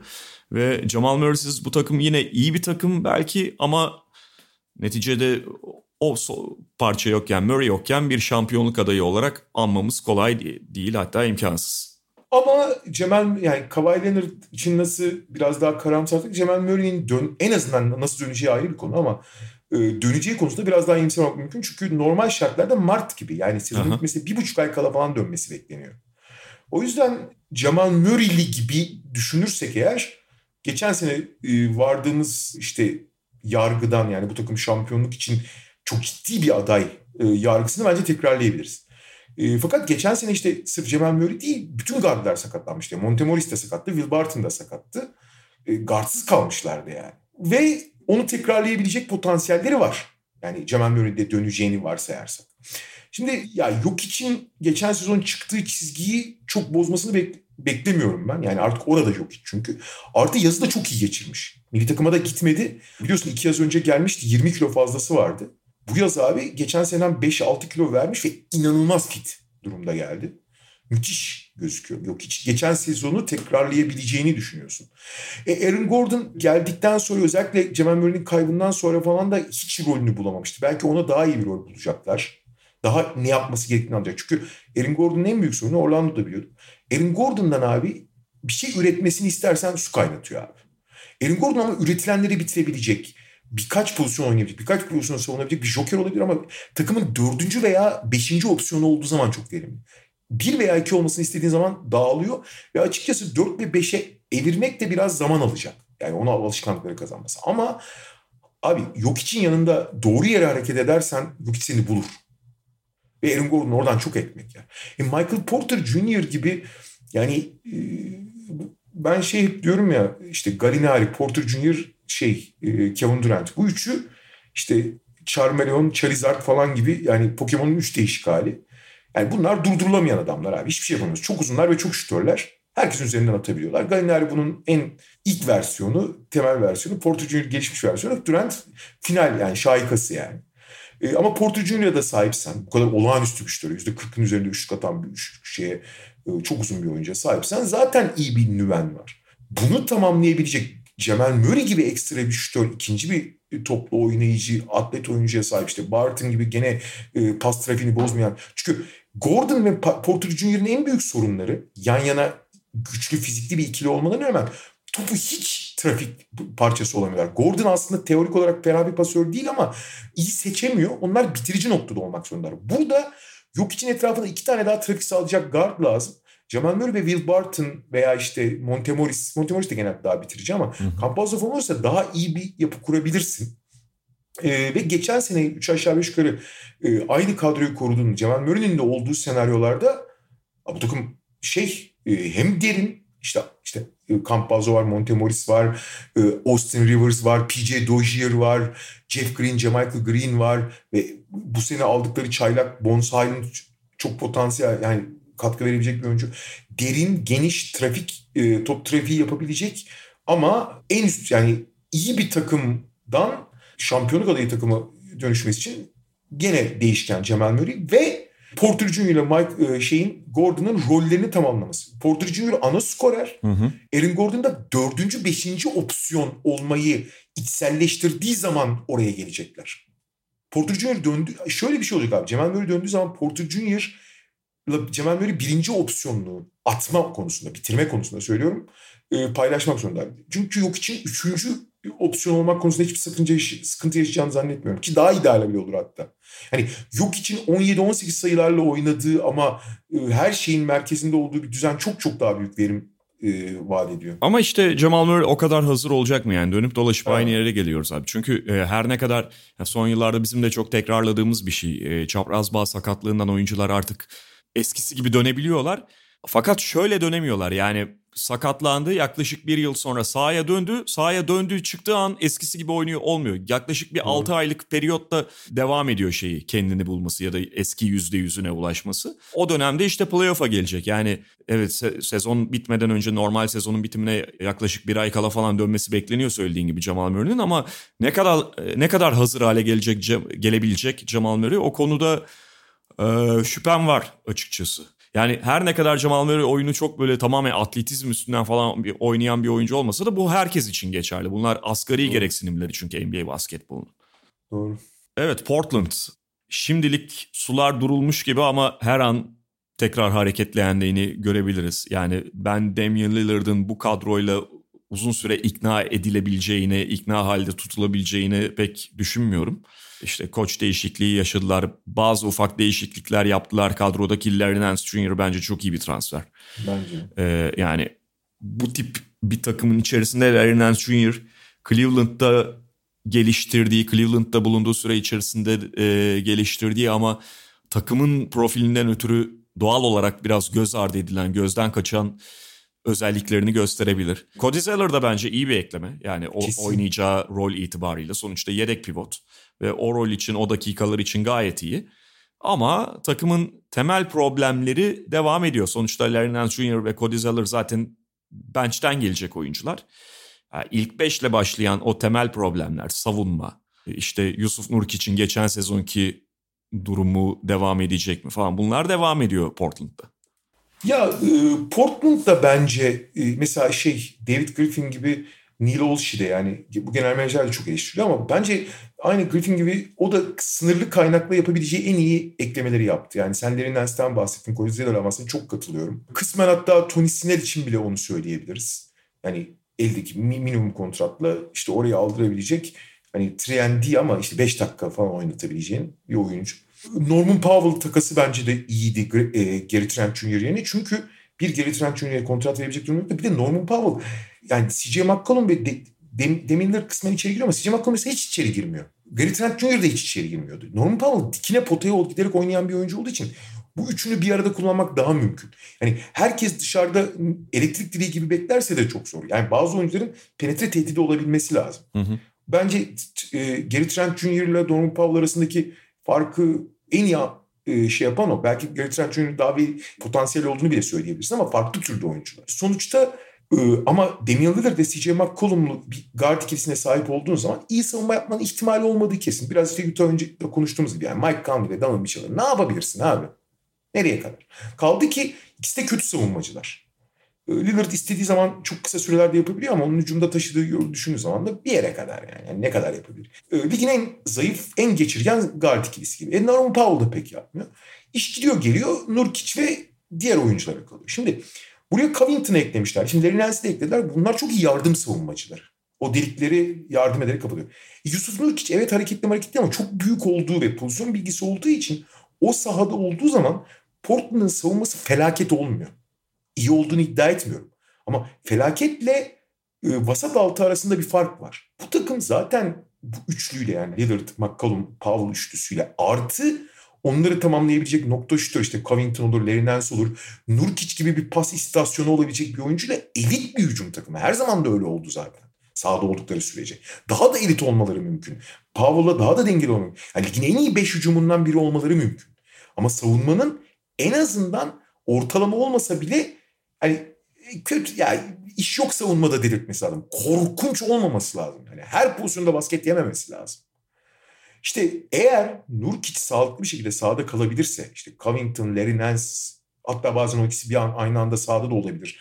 Öyle bir savunma kurgulayabilirlerse bu takımın yine iyi olması, rekabetçi olması mümkün ama daha ileriye gitmesi de imkansız tabii abi. Yani sonuçta senin hücumun ne kadar elit olursa olsun 2021 yaş- yılında olsak bile hücumların standartları çok çok yükseldiği için savunmanın da belli bir seviyenin üzerine çıkması lazım. Ama bu yapıyla istesen de çıkamazsın yani. Ee, bir de Billups daha agresif bir savunma yaptıracak. Yani ona hazırlıyor takımı. Ama bu, Bu personelle onu ne kadar yapabileceği konusunda da Hiç emin değilim. değil. İşte koç değişikliği yaşadılar. Şimdi Terry Stotts'ın bir sürü günahı var evet. Ama iyi bir hücum koçuydu Terry Stotts. Bu takımın Aha. hücumunun buraya gelmesinde çok önemli bir pay sahibiydi. Ee, Billups doğal olarak geldiğinde işte sorun savunmada deyip eğer böyle bir şeye kalkarsa başına çok büyük bela alır. Yani bu kadroyla yani takımın savunmasını bir nebze yükseltebilen yegane oyuncu Yusuf Nurkic o hiç böyle bir savunmanın oyuncusu değil. Aha. Robert Covington müthiş bir yardım savunmacısı olan birebir savunması sorunlu bir oyuncu. Larry Nance o işi yapabilir belki ama onu ne kadar kullanacaksın? Lillard'la McCollum'la falan olmaz o iş yani. Bir kere takımın enerjisini çok düşürürsün. Yurkiç'te hiç olmaz. Hani çok büyük bir şeye uçurumdan aşağı sürükler otobüsü yani. Minnesota onlar da yazın sonlarına doğru önemli bir değişim yaşadılar. Genel menajer değişikliği bir anda. Tabii ilk ortaya çıkışında şey düşünüldü yani ne alaka şimdi draft yapılmış, transferler yapılmış, off season'ın off season geride kalmış.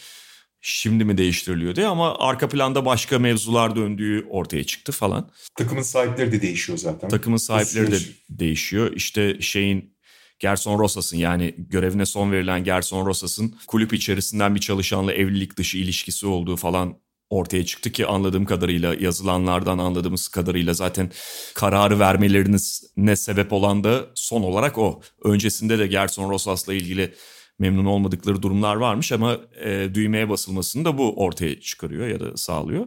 Ve şimdi zaten geçen sezonda yine önemli sakatlık problemleri vardı. Başta elbette bu takımın temel direği olan Carl Anthony Towns'un çoğu noktada olmaması takımı çok aşağı çekti. Önceki sezonda benzer problemleri yaşamışlardı. Bu sezon sağlıklı kalabilirlerse playoff için bir yarışmacı olabilirler mi? Düşündürdükleri Birinci şey bu çünkü Anthony Edwards çaylak sezonun ikinci bölümünde evet belki takım iddialı değildi ama çok daha lige adapte olduğunu ve başka bir şey gösterdiğin e, başka bir şey göstermişti. Onun daha ısınması, Carl Anthony Towns'ın sezon boyunca sağlıklı kalmasıyla falan geçen sezona göre elbette daha iyi bir takım olabilirler. Fakat yine de bir taraftan yani işte mesela Ben Simmons için hamle yapmalılar mı? Zaten aday takım azken ve Philadelphia'da vermek istiyorken e, D'Angelo Russell da gerekirse öne sürerek Ben Simmons için bir hamle yapmalılar mı? Bu da sürekli sorulacak. Çok çok iyi bir başlangıç yapmadıkları takdirde. Ve mesela D'Angelo Russell hazırlık döneminde iyi gözüküyordu falan ama ben olsam bunu denerim. Genel olarak Minnesota'nın D'Angelo Russell'ı orada öne sürmeye çok yanaşmadığı söyleniyor ama geçen sefer işte Simmons'la ilgili konuşurken de bundan bahsetmiştik. Yani ikimiz de sonuçta Russell'a ve e, bu saatten sonraki potansiyeline çok güvenmiyoruz. Ya bir kere temas sevmeyen, savunma yapamayan bir oyuncu. bazı bir sürü artıları olsa da bunlar başlı başına senin tavanını belirler. Bir yere gider yani bir yere kadar gidersin. Hı hı. Teorik olarak da Carl Anthony Towns yani Ben Simmons NBA'in e, bir yapıya monte etmesi en zor oyuncularından biri ama teorik olarak en iyi uyumlu olabileceği uzun da Carl Anthony Towns. Şu Carl Anthony Towns iki numara gibi oynuyor yani. yani şütör guard gibi oynuyor resmen. Penetre üzerinden falan oynuyor. Sırt dönük de oynayabiliyor ama öyle oynuyor. Yani Ben Simmons'ı çok iyi tamamlayabilir teorik olarak. Fakat şu anki kadroyla ya da e, Dangerous aynı zamanda Carl Towns'un iyi arkadaşı olduğu için falan da problemler. Ona sezon içinde bakacağız. Şimdi bu kadroyla ne yapılabilir? Geçen seneki kadronun hemen hemen aynısı. Fakat şöyle temel farklar var. Bir, senin bahsettiğin Anthony Edwards'ın sezonun ikinci yarısında gösterdiği inanılmaz sıçrama çok e, özel bir oyuncuya dönüşebilme potansiyeli. Ve yazın biliyorsun 5 santim uzamış Anthony Edwards. Daha gelişimini tamamlamak için 5 santim uzamış ve artık 3 numara oynayabilecek durumda yani fiziksel. Zaten çok güçlü bir fiziği vardı. Daha yani 5 santim daha uzun bir oyuncu olarak. Oyunu iki tarafta da oynayabilirse. Gel çok kopuk kopuk oynuyor oraları ama çok genç daha. Carl Anthony Towns'un yanına da şimdilik geçen sezonun ikinci yarısında bol bol denedi. Chris Finch geldikten sonra çok şey denedi. Ve bu takıma e, yıllardır o dağınık takıma belli bir disiplin, belli bir e, rotasyon, belli bir oyun anlayışı yerleştirmeyi başarırken Carl Anthony Towns gibi e, bir oyuncunun yanına çünkü onun dışarıdan oynayabilmesini tamamlayacak. Çünkü modern basketbolda artık e, şut olmayan dört numaralara pek yer yok ama Jaden McDaniels gibi şut olmayan ama müthiş atlet, savunmada yırtınan falan bir oyuncu Towns'un olduğu zaman yerleştirebiliyorsun. Şimdi oraya da yerleştirdiği zaman Edwards, McDaniels gibi iki tane atlet, işte Malik Beasley gibi en azından disiplinli bir oyuncuyla bir savunma kurgusu oluşturabiliyorsun. D'Angelo Russell'ın savunmacı olmayacağı kesin yani. Onu geç. O savunmanın en zayıf halkası olacak her zaman. Ama işte oraya da belki de Patrick Beverly'yi biraz kullanırsın falan. Kritik nokta burada şey abi. Zaten yani takımın her şeyi yani takımın lideri her şeyi bilen Carl Anthony Towns. Carl Anthony Towns'la ilgili şöyle bir şey var abi. Carl Anthony Towns'un ne kadar olağanüstü bir yetenek olduğunu söylemeye gerek yok yani. yani bu yıllardır hani hep konuşulan konulardan biri. Zaten sahada da görüyorsun.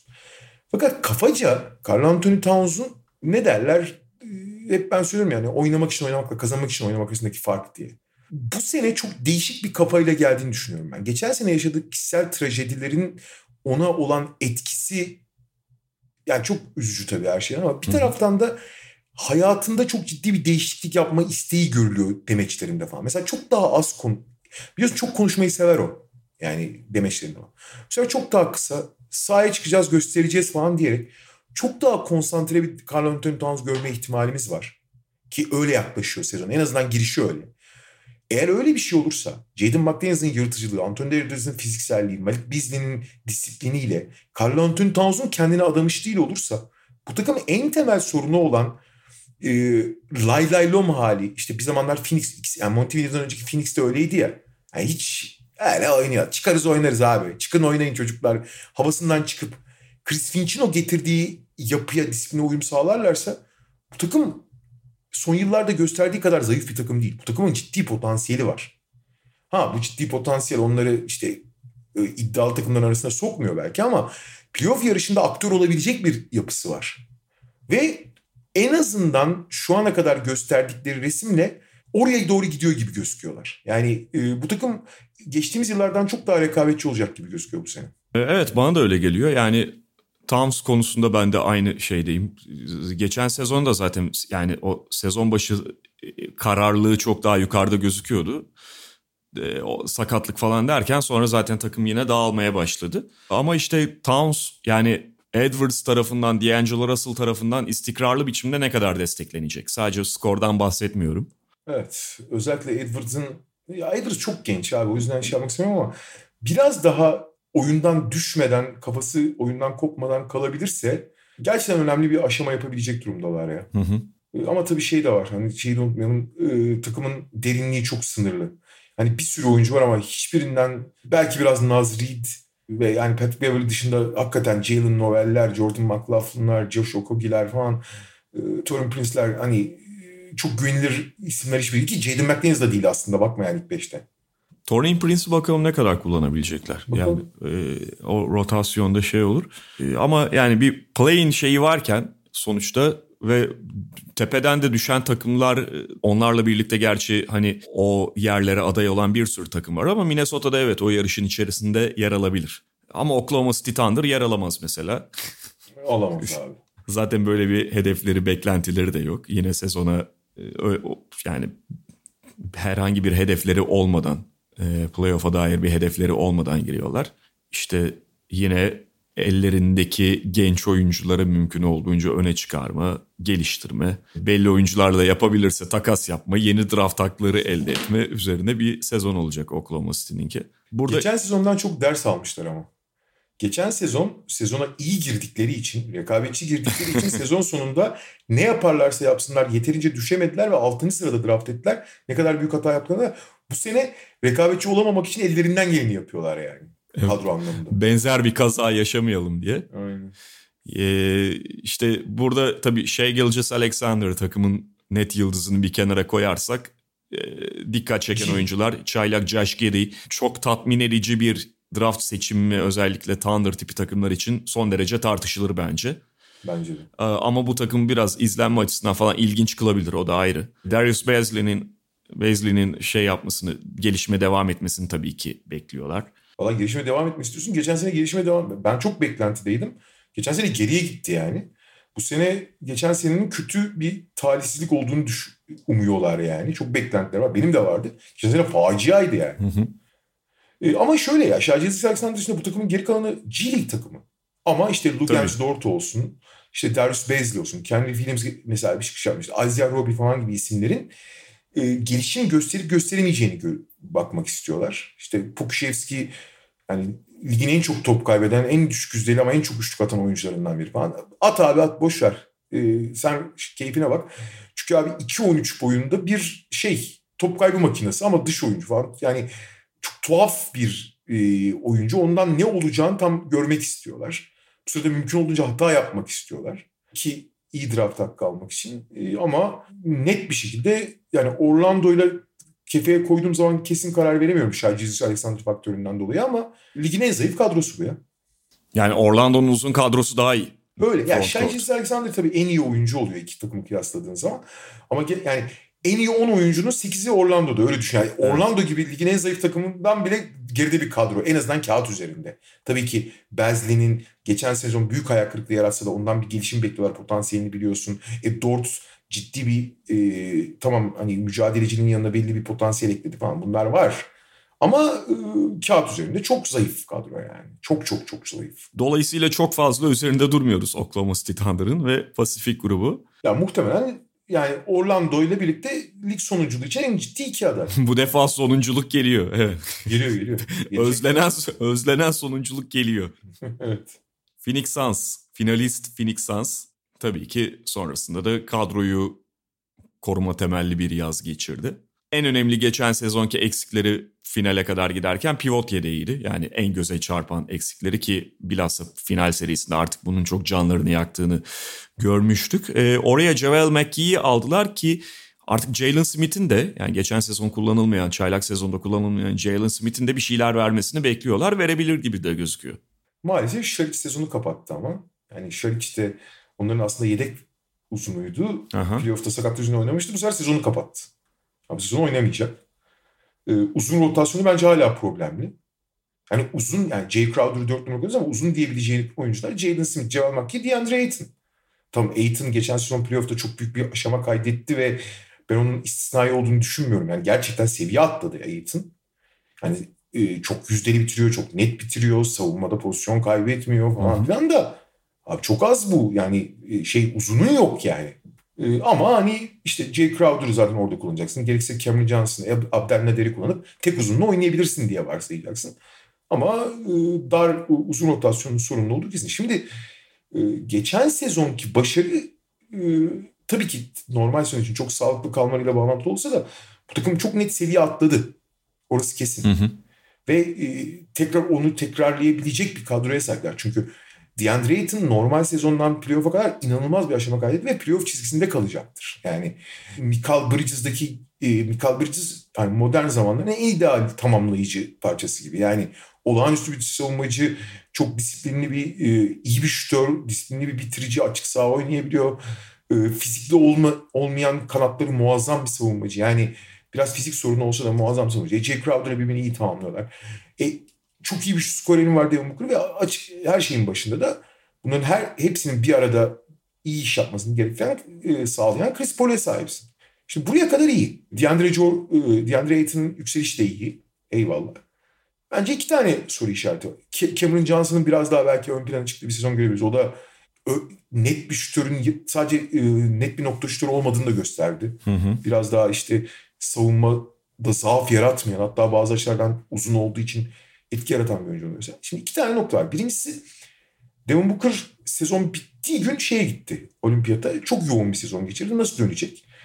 Ve e, Devin Booker'dan tam olarak beklendi. Devin Booker iyi bir skorer ama elit bir skorer mi biraz tartışmalı. Ama çok da gerek yok. E, süper bir yani iyi bir skorer olması hatta üst düzey bir skorer olması yeterli. Yani bir Durant olan olmasa da çok problem değil yani.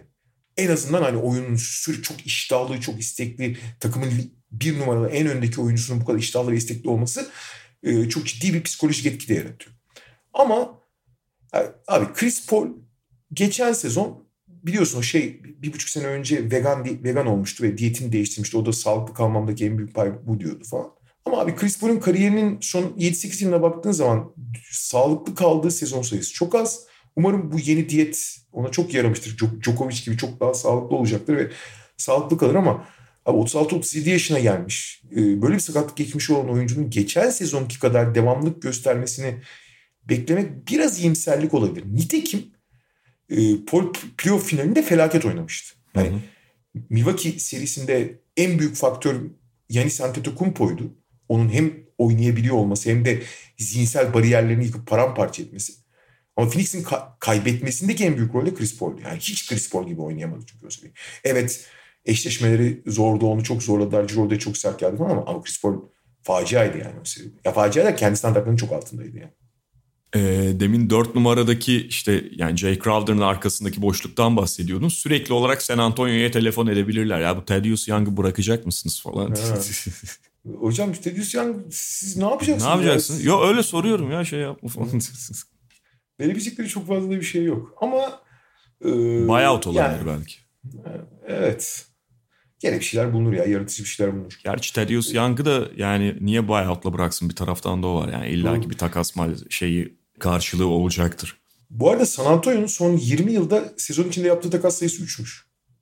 Hiç sakat, sezon içi takas Evet. sevmiyorlar ama Ama şey şimdi şöyle bir şey var. Roller değişti. Yani San Antonio yarışmacıyken takas yapmayı ve kadroyu bozmayı sevmiyordu. Şimdi yarışmacı değilken ve Thaddeus Young da onların timeline'ında bir oyuncu değilken kadronun genelinin, genelinden yaşlı bir oyuncuyken vereceğim kim ne veriyor diye ortalığa çıkabilir. Thunder gibi.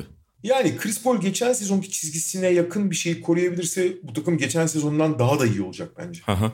Clippers tabii Kawhi Leonard'ın yokluğundan ötürü sezona bambaşka bir profilde, bambaşka bir şekilde giriyor maalesef. Ve bu şekilde de hani yine iyi bir kadro ama en önemli oyuncusundan yoksun bir kadro.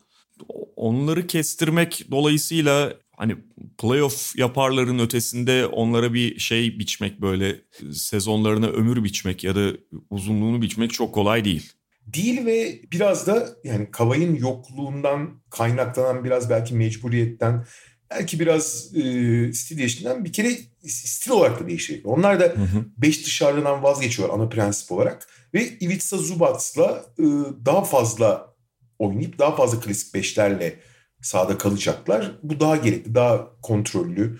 Yani potansiyeli belki daha sınırlı ama daha dengeli bir takım olmaları için gerekli bence. E, bunda bir sakınca yok.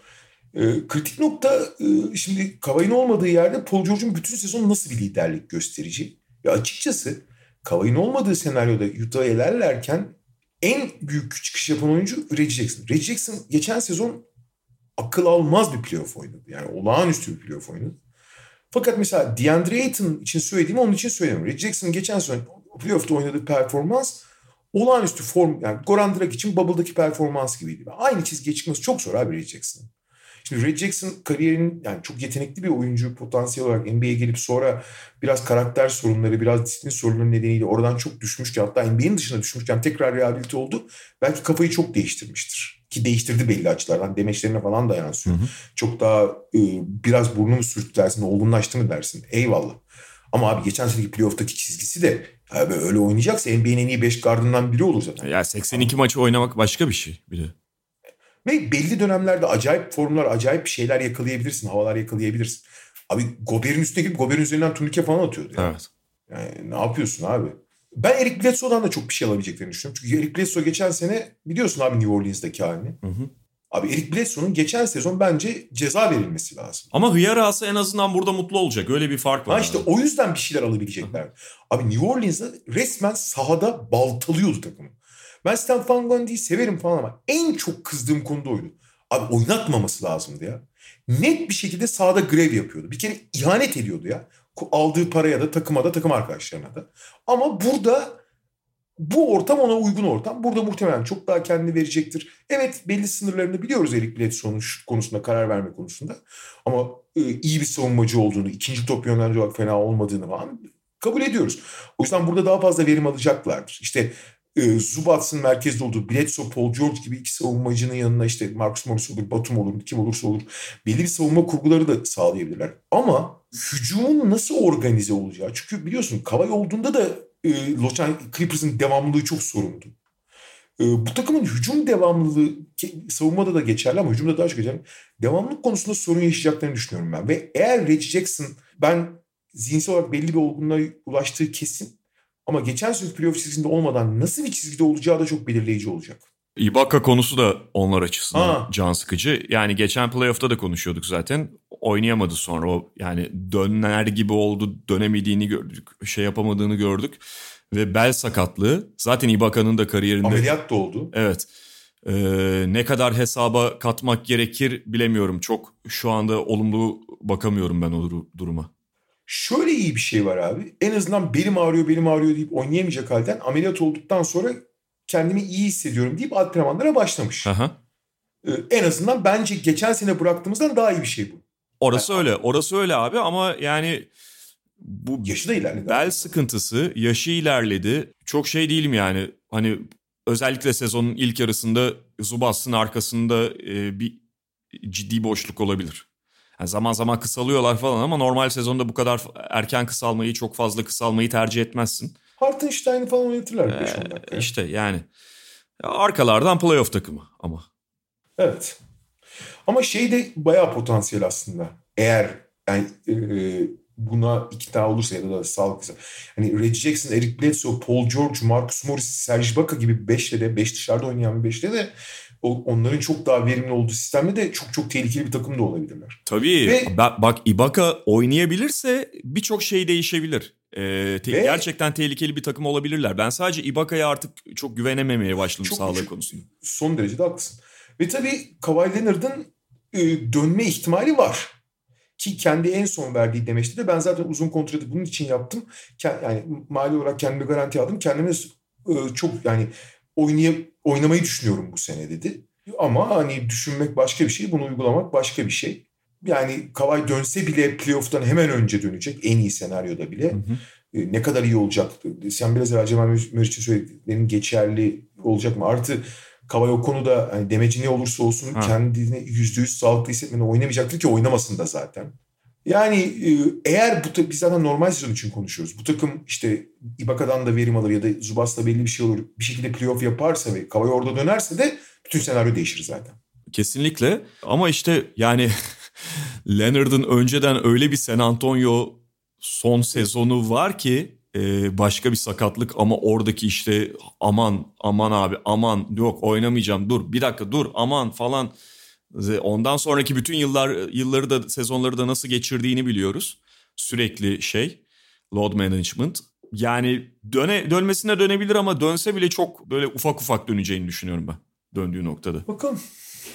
Evet buradan Lakers'a geçiyoruz. Ha. Zaten çok fazla konuşmuştuk. Yani aynı ee, şeyleri sen, tekrarlamaya sen, gerek Hocam çok konuştuk da sen bize şeyden haber ver. Santa Monica'da ne konuşuluyor? Esnaf Santa ne diyor? Santa Monica'da şey konuşuluyor. Frank Vogel yanlış idman yaptırıyormuş. Herkes bir bir sakatlanmaya başladı. sen geçen sene... Zemin iyi değil. Abi seni kulüpten uzaklaştırdılar ama sen yine iyi niyetinde geçen sene hoca maçta şut çalıştırsın demiştin. Uyuyor muymuş bari? Buna uyu, uyuluyor muymuş bu tavsiyene? Valla gördüğümüz kadarıyla uyulmadı ki elendiler. Bak bir önceki sezonu hatırlayalım abi. Bubble'da şut çalıştırmaları çalıştırması lazım dedim. Sonrasında playoff'ta nasıl şut atıldığı görüldü. Doğru. E geçen Doğru sene şut atamadıysan demek ki çalışmamışsın.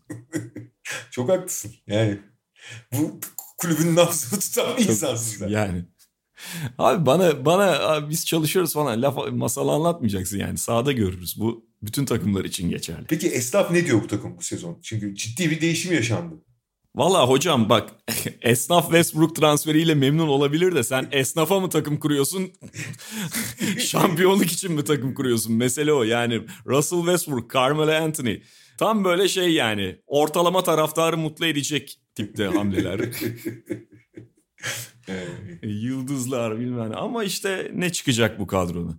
Ya şaka bir yana ya bu sakatlıklar çok uzun süreli sakatlıklar değil belki ama sezon başında özellikle Lakers'ın bu kadrodaki e, çok kritik bazı isimleri eksik olacak işte. Taylor Kesin. Horton Tucker gibi.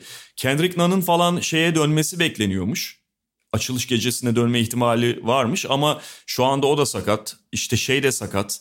Ariza. E, Trevor Ariza sakat. Yani burada Ariza, Horton Tucker şey oyuncular savunmayı savunmada belli bir rol üstlenmesi beklenen oyuncular. Kendrick Nunn ve şey de Malik Monk da yine sakatlığı bulunan Malik Monk da şut konusunda çok ciddi parçaları, e, takviyeleri olmuştu Lakers'ın. Bunları kullanamamak sezon başında ne kadar hangisi ne kadar kaçıracak dediğim gibi bilmiyorum ama Frank Vogel'ı bayağı zorlayabilir. Bu arada Malik Monk Nunn'a Wayne Ellington'ın bekli o da hamstringi çekmiş onun da. Ha Wayne Ellington da sakat evet doğru. Hı. Ya bir kere şöyle temel bir sorun var bu takımla ilgili. Daha önce konuştuk da ya bir kere yaşlı yani yaşlılığıyla çok dalga geçiyorlar ama ben o kadar e, ona o kadar takılmıyorum. Fakat bu takım yani şampiyon olurken ve Anthony Davis, LeBron eksen yani Anthony Davis, LeBron yani olabilecek en muazzam ikili. Yani birbirini çok iyi tamam yani ligin en iyi oyuncularından iki tanesi zaten ve birbirini muazzam tamamlayan iki oyuncu. Yani etrafını doğru organize edersen uçar. Fakat şimdi şöyle bir sorun var. Bu takım LeBron, Anthony Davis ekseninde kurgulandığı dönemde savunma temelli bir takım olarak kurgulandı. Hı hı. Hatta o ikisinin oynamadığı dönemde bile savunma yapabiliyordu. Şimdi abi savunma yapabilen ve savunmada önemli rol oynayan oyuncuların hemen hemen hepsi gitti. Onların yerine gelen bazı hani savunmayı toparlaması beklenen kompanse etmesi beklenen oyunculardan Trevor Arizon'un yaşı kaç oldu zaten sakat. Taylor Norton Tucker eyvallah ama çok genç o da. Kent Bazemore nereye kadar? Ee, onun da hücum sorunlarını biliyoruz. Rajon Rondo da yani Bubble'da şampiyonluğa giderken önemli bir rol oynamış olsa da son 10 yıldaki tek iyi dönemi onun yani. Yani o, o bambaşka son Bir. ikincisi diğer eklemelere bakıyorsun. İşte e, takımın yani her LeBron takımı için geçerli olan konu şut Abi Kendrick Nunn, Malik Monk, Wayne Ellington İyi şütörler evet. Hatta Carmelo'yu da sayıyor oraya belli açılardan. Ama bunlar korkunç savunmacılar. Hani hepsi birbirinden beter yani. Yani hepsi birbirinden beter. Carmelo Anthony tüm ligin en kötü savunmacısı olabilir. Kendinden falan da öyle. Şimdi her zaman şeyi söylüyorsun. LeBron herkesten en yüksek verim alıyor. Yani öyle bir iş disiplini var ve öyle oyunu biliyor ki herkese öyle herkes ona öyle biat ediyor ki onları en azından çünkü yani Wayne Ellington'dan savunmacı yapamazsın. En azından disiplini kaybettirmezsin diye düşünüyorsun. Abi ama bir yere kadar bu kadar zayıf savunmacılar disiplinli olsalar bile ne kadar yapabilecekler? Bütün bu denklemin üzerine de Russell Westbrook geldiği zaman da konuşmuştuk seninle. Russell Westbrook ekliyorsun. Abi Russell Westbrook topa hükmetmeden, potaya saldırmadan sıfır bir oyuncu. Yani eskiden kötü şutördu artık çok kötü bir şutör. Lebron'la Westbrook yan yakan, Lebron topu yönlendirirken Westbrook tamamen bir takımı aşağı çeken bir faktör şutör olmadığı için. Bir. ikincisi Russell Westbrook da felaket bir savunmacı abi. Yani hiç savunmayla alakası yok. Şimdi buradan nasıl bir yapı kuracaksın?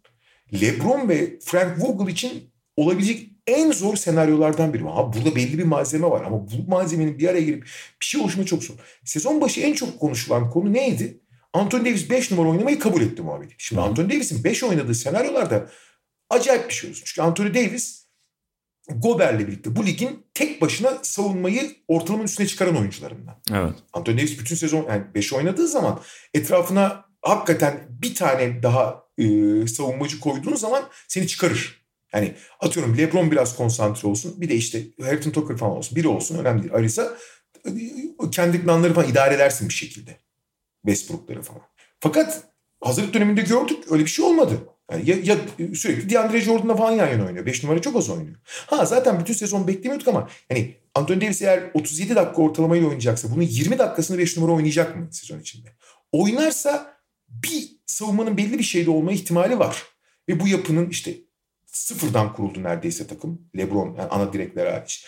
Ee, sezon içinde belli bir yapı kurma ihtimali var. Ama eğer gene klasik beşlerle oynayacaksa falan çok yani çok problem olur savunma. Bir. Hücumda da abi Westbrook'la LeBron'un yan yana oynadığı dakikaların verimli olma ihtimali çok düşük. Hakikaten çok düşük. Yani hani evet. oyunu gene çok sıkıştıran bir faktör olacaktır Westbrook. E Westbrook da öyle bir oyuncu ki onu hani şey yapamıyorsun. Devre dışı bırakamıyorsun o kadar. Bence onların dakikalarını mümkün olunca açmak lazım. Yani Lebron'un ben bu sene 32 dakikalarda falan oynayacağını düşünüyorum. Westbrook da 33-34 dakika oynayacaksa en azından yan yana oynadıkları dakikayı 10-15 dakikayla sınırlamak lazım.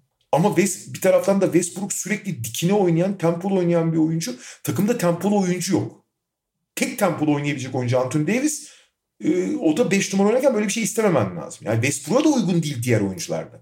Ben hep şey diyordum. Yani LeBron'u yani geçen sene e, gördüler. En büyük risklerden biri LeBron'un yorulması artık. Abi LeBron 37 yaşına geldi. Tamam ha çok özel bir oyuncu. Kendine çok iyi bakan bir oyuncu ama 37 yaşına geldi ve iki senedir sakatlanıyor. Kariyeri boyunca sakatlanmamış adam. Ve LeBron sadece 37 yaşına gelmedi abi. E, LeBron şu anda lig tarihinde, NBA tarihinde en çok dakika sahada kalmış ikinci oyuncu konumunda ki bunun önemli bir kısmı playoff dakikası olduğu için playoff dakikasını 2 ile çarpmak lazım. Yani çok yıpranan yani şey gibi 10 yaşındalar ama 1 milyon kilometre yapmış gibi yani. Onu ben şey diye düşünüyorum işte Westbrook normal sezondaki o taşıyıcılığı yapar. LeBron idare eder. Sezon sonuna doğru vites artırıp playoff'ta esas direksiyona geçer diye. Fakat Westbrook'a uygun bir takım da yok. Hani acayip bir karman çormanlık bir araya getirilmesi de çok zor bir karman çormanlık. Hem savunmada hem hücumda. Öyle. Ben Anthony Davis'in salı gecesi işte ilk NBA'in ilk gecesinde Lakers Golden State ile oynuyor. O maça mesela pivot başlayacağını, 5 başlayacağını düşünüyorum. Ben de. Ama bu bütün problemleri çözmüyor Lakers'ta. Ya ama ama abi bak bütün problemleri çözmedik için çünkü korkunç problem var. Ama abi en kritik, en temel başlangıç noktası o. Kesinlikle, kesinlikle. Ama abi yani bunu işte e, o transfer programında da şey yapmıştık. Yani Westbrook'la bir, bir sürü problem geliyor ve e, Doğu Konferansı'nda hangi takım için ben şeyden bahsettim. Yani Euroleague örneği vermiştim. Şimdi unuttum hangisiyle e, hangisine yaptığımı da. Eğer burada da mesela bu bir PlayStation oyunu ya da bir e, oyuncuları tamamen şey yapabildiğin böyle dakikalarını kafana göre sınırlayabildiğin, e, kenardan falan getirebildiğin bir takım olsaydı Westbrook ona göre kullanır ve hani e, Westbrook transferiyle ilgili hep bir şey apolojisi var ya. Ya LeBron'un normal sezondaki yükünü alıyor. Evet alacak muhtemelen. Ama abi playoff vakti bu defa sana dönen bir silah silah oluyor Westbrook. Yani bak son takımlarında hadi Washington'ı saymıyorum yani patates bir takımdı zaten. Houston'da falan Houston'ı e, Lakers o seride tamamen Westbrook üstünden şey yaparak yendi. Onun üstünden kurguladılar bütün savunma stratejilerini falan. Dolayısıyla bu adamın oynaması gereken süre belli, egosu belli, ağırlığı belli oyuncu olarak sen bunu 20 dakikaya falan sınırlayamayacağına göre normal sezonda sana bir takım şeyler katabilir. Ama mesela bence şu sezon başı görüntüsünde de sezonun ilk 10 maçında falan felaket oynayacak gibi gözüküyor. Bir de şöyle bir şey var abi. Westbrook 2017'den beri her sene geri adım atıyor. Çünkü evet, zaten evet. yaşlanıyor. Acayip patlayıcılıkla oynadığı için yıpranıyor fiziği. Ve her sene geri adım atarken bir zaman yani en basit örneği abi tamam kötü bir şutördü artık çok kötü bir şutör. Serbest atış bile doğru düzgün atamıyor. Evet. Fakat geçen sezonun ikinci yarısını Washington'da iyi oynadığı için ha bu bizim bildiğimiz Westbrook diyordu. Ama abi o dönem evet gerçekten çok iyi oynadı. Şimdi hiçbir şey demiyorum. Hani Westbrook standartları için. Hani 2017-2018 standartlarına yakın oynadı. Ama abi o 2-3 aylık bir dönemdi ve açıkçası son 4 senenin genel resmine baktığın zaman o 2-3 ay e, şey şey gibi abi son dönemde en çok kripto paralar ya da işte borsa gibi abi düşüyor düşüyor bir av çıktı diye aa tamam Westbrook döndü dememek lazım abi. Ve mesela 4 senenin genel trendi ortada yani. Ve mesela şey de çok konuşuluyor işte Lakers savunmasının üzerine Westbrook'u koyduğunda işte e, o savunmanın yarattığı hızlı hücum imkanlarına Lakers harika bir yönlendirici olur falan. Ama Westbrook o savunmayı geriye çekecek. Yani ortaya çıkan kadro şu, bana şeyi hatırlatıyor. E, şampiyonluk adayı oldukları dönemdeki Oklahoma City kadrolarını hatırlatıyor. Hani kesişim kümesi olarak Westbrook varlığı da e, ilginç bir tesadüf orada. Mesela o Thunder takımlarının en büyük problemi neydi? Kevin Durant, Russell Westbrook ve Serge Ibaka'yı bir kenara ayır. Bütün o tamamlayıcı parçaların hepsi şeydi. Ya hücumcu ya da savunmacı. Evet. Savunmada bir şey veren hücumda işte Andre Robertson örnek. Hücumda felaketti. Hücumda bir şey veren savunmada çok büyük delik oluşturuyordu. Bunun gibi bir sürü oyuncu vardı. Şimdi bu, bu Lakers kadrosuna da bakıyorsun abi sen de az önce söyledin. Yani Carmelo Anthony oyunun bir tarafında oynatmaman gerekiyor. İşte şey olabilir abi. Carmelo Anthony ileride beklese çok bir şey fark etmeyebilir. En azından orada daha rahat eder. Gelme abi sen yorulma tabii. Gelme biz sana atarız hücumda. Daha da rahat atar yani zaten. bunu kır... Gel... Ha? Elektrik direği gibi savunmada ya. bunu kırma anlamında iki tane falan ümidi olabilir Lakers. Üç tane. Ee, bir tanesi işte Kent Bazemore. Eğer hücumda evet. iyi şut atabilirse şahane savunma yapacağından falan değil ama yani iki yönlü bir şey oraya koyabilirsin. Trevor Ariza evet. sağlıklı kalabilirse ve yani, o da yaşlandı abi. O da çok yaşlı. Tabii yani 36 yaşına geldi. Yüksek yüzdeyle atarsa Trevor Ariza'dan bir şey alabilirse en azından 4 numara falan savundurabilirsin. Bir de Taylor Norton Tucker. Ama yani çok sınırlı kaynak var o konuda da. Golden State.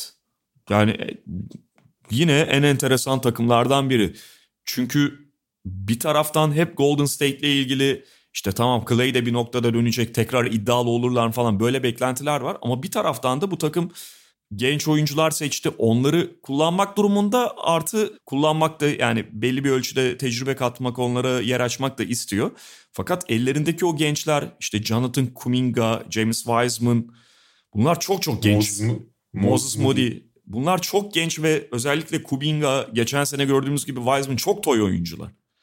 E şimdi Moody en azından biraz daha hafif daha olgun ama yani sonuçta çaylak. Tabii tabii yani ben öncelikle Kuminga için söylüyorum ve Wiseman da geçen sene hani sonuçta ikinci sezonda başladı ama Wiseman'dan bir anda olgun basketbol falan beklenemez. E şimdi Clay Thompson hangi noktada hangi kapasitede dönecek? Yani e, en ağır iki Clay sakatlığın üzerine geldiğini unutmayalım Clay Thompson'ı. Kimse Clay Thompson'ı bıraktığı gibi bir anda beklemesin. Clay Thompson iki sezon önce sakatlandı. iki senedir basketbol oynuyor ve bu iki sezonda bir yıl bir yıl bir sporcunun yaşayabileceği yani sportif sakatlıklar arasında en ağır iki tanesini yaşadı. Evet. Hem aşili koptu hem çapraz bağları. Yani Stephen Curry geçen sene olağanüstü sezon geçirdi. Onları içeri attı falan ee, ama en azından play'ine. Fakat bu sene playoff takımı olurlar ama Golden State ile ilgili bazen şeyi görüyorum yani. Clay Thompson dönüyor işte kadroyu biraz takviye ettiler falan. Denver'ın Clippers'ın sakatlık problemleri yaşadığı bir batıda Golden State yine çok iddialı olacaktır gibi tahminlere ben çok katılmıyorum. Ben de çok katılmıyorum abi. Ama şöyle bir şey var. Geçen sezonun ortasında Steve Kerr bir karar verdi. e, sezon başında eski Golden State gibi oynamaya çalışıyorlar. Çünkü Golden State'in o işte o Durant'li ya da Durant yani 2015-2020 arasındaki Golden State Hı hı. ligin en sofistike, en oyuncu içgüdüleri ve oyuncu sezgileriyle takım. Yani sürekli hareket eden, buna takımın lideri Stephen Curry de dahil olmak üzere yani toplu topsuz en çok hareket eden ve şut tehdidini başka e, sonuçlara dönüştüren bir takımdı. Fakat bunun için çok rahat olman, basketbol sezgilerinin, basketbol algılarının çok açık olması ve çok uyumlu olman gerekiyor. Bunu Draymond Green'le, Klay Thompson'la, Stephen Curry'le, Kevin Durant'le, Andre Iguodala'yla oynayabiliyorsun. Ama Michael Mulder'la, e, Andrew Wiggins'le, e, şeyle, Kelly Oubre'yle oynamaya çalıştığın zaman herkes birbirine çarpıyor hareket eden parçalar. Ve olmadı. Fakat sezon ortasında şeye karar verdi. Abi bu iş böyle olmayacak diye çok daha basitleştirdi oyunu. İkili oyunlar üzerinden oynayalım. Temel şeyleri yapalım. Ve bir anda performans çok arttı. Ve bu senede o e, onları çok özel kılan, hep diyorum ya üstün strateji yerine temel stratejiden gitmeyi düşünüyor. Ve daha düşük hedeflerle yola çıkacak. En azından Clay dönene kadar. Şimdi Clay döndükten sonra umarız eski Clay olur. Clay biliyorsun benim en sevdiğim 2-3 basketbolculardan biridir. Ama en azından bu sezon için çok ümitli olmamak lazım. İnşallah seneye e, biraz da ritim bulduktan sonra eskisini %90 olur. Çok atletizmine dayalı bir oyuncu olmadığı için belki e, biraz daha iyimser olabiliriz. Ama tekrar ediyorum bir sporcunun yaşayabileceği en ağır iki sakatlıktan geliyor. Neyse. Fakat şöyle bir senaryo var abi. Şimdi e, ha bir de şeyi ekleyeyim abi. Bu takımın iyimser olmasını sağlayacak oyuncular kesinlikle genç oyuncuları değil. Her ne kadar lotarya seçimi olsa da James Wiseman ikinci sıra seçimi olsa da Kuminga lotarya seçimi olsa da Moses Moody e, iyi bir yerden seçilmiş beklenti olan bir oyuncu olsa da bu üçü de özellikle Kuminga ile Wiseman çok ham. Wiseman geçen sene Wiseman'ın sahada olduğu ve olmadığı dakikalara baktığın zaman Golden State performansı 7 katmanlar. Evet, çok evet. ciddi zarar veren bir oyuncu. Kuminga hiç hazır değil. Moody de çaylak henüz. İşte bu oyuncular bu takımın kısa vadeli hedeflerini, yani şampiyonluk hedeflerini gerçekleştirmeyecek. Ki bence sezon boyunca bu gençleri, bu potansiyelli gençleri ve işte Wiggins'i kimse birleştirip Golden State bir takası kovalayacaktır. Bulursa da yapacaktır. Çünkü bu takımın hala potansiyeli yüksek. Ee, Green, Curry ekseninde ve Klay Thompson eklemesiyle. Bu takımın geçen sezonun üzerine koyabileceği iki tane oyuncu var. Biri benim herhalde basketbol hayatım boyunca beni en çok şaşırtan iki oyuncudan biri herhalde Jordan Poole. Abi Jordan Poole'un çaylak yılını hatırlıyor musun sen? Evet. Abi yürürken kendi ayağına falan takılıyordu. Ben şey diyordum. Ulan bu adam Türkiye ikinci liginde oynayamaz diyordum yani. Hani benim gördüğüm en kötü NBA oyuncularından biriydi yani. Ve hiç alakası yok gibiydi. Fakat nasıl bir değişim gösterdiyse şu anda çok ciddi bir silaha dönüşmüş durumda. Hazırlık Güncel maçlarında özellikle şu anda Abi çok geçen bayağı sezonun son bölümü de öyleydi. Hı hı. Ee, hazırlık maçları öyle. Hani çok acayip yani akıl almaz, mantık sınırını zorlayan bir değişim. Ve o Clay'in rolünü veya bu takımın çünkü biliyorsun geçen sene çok ciddi bir şut problemi oluşmuştu. Clay falan oldu. Yani Stephen Curry'e sahipsen başka kimse doğru düzgün şut atamıyor. Hı hı. Şimdi orayı doldurabilecek çok önemli bir parça ve bu takımın belki de en çok aradığı türde oyunculardan biri. Yani her şeyi yapabilen, şut da atabilen, içeri dışarıda oynayabilen komple oyuncu Otto Porter Jr. Ama Otto Porter Jr. da bundan iki sene önce bunları yaparken iki senedir sürekli sakatlıklarla boğuşan, hiç sahaya çıkamayan bir oyuncu. Bu hazırlık döneminde sağlıklı ve iyi gözüküyor ama ne kadar güvenirsin? Ama eğer e, Otto Porter Jr. sağlıklı kalır, Jordan Poole bu gösterdiği gelişimi gerçekçi bir şekilde devamlı sürdürürse bu takım fena bir yapıya kavuşmuyor. Ama şöyle bir durum var abi. Bu takımın Kevin Looney ve James Wiseman'ın oynamaması lazım. Bu Draymond Green'in 5 numara oynaması demek. Draymond Green'in 5 numara oynaması demek Otto Porter Jr.'ın ya da Wiggins'in 4 numara oynaması demek. Çok küçükler abi. Hı hı. O da olmaz. O da olmaz. Ha, Looney ile oynadığı zaman aynı şey. İkincisi abi ben 2016'dan sonra Stephen Curry ve Draymond Green'in bir daha hiçbir zaman o çizgiye çıkamayacağını, çok çok iyi oyuncu olduklarını şüphe yok. Ama hani NBA'in kendi rolündeki en iyi oyuncusu konumuna bir daha kolay kolay çıkamayacaklarını düşünüyorum. Ki Curry ondan sonra 2016'dan sonra sürekli ufak tefek sakatlıklarla boğuştu. Belki rolünü biraz bırakmak zorunda kaldı ki takımın simge oyuncusu için böyle bir alçak gönüllülük göstermek çok saygıdeğer bir şey. Draymond Green tamamen fiziğine dayalı oynadığı için ve e, işte hani parayı da bulup şörtü de bulduktan sonra aynı iştahı gösteremeyecek diye varsayıyordum ben. Abi hiç öyle olmadı.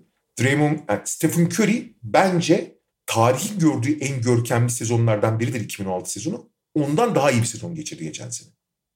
Stephen Curry'nin geçen sene geçirdiği sezon tarihin gördüğü en güzel sezonlardan biri.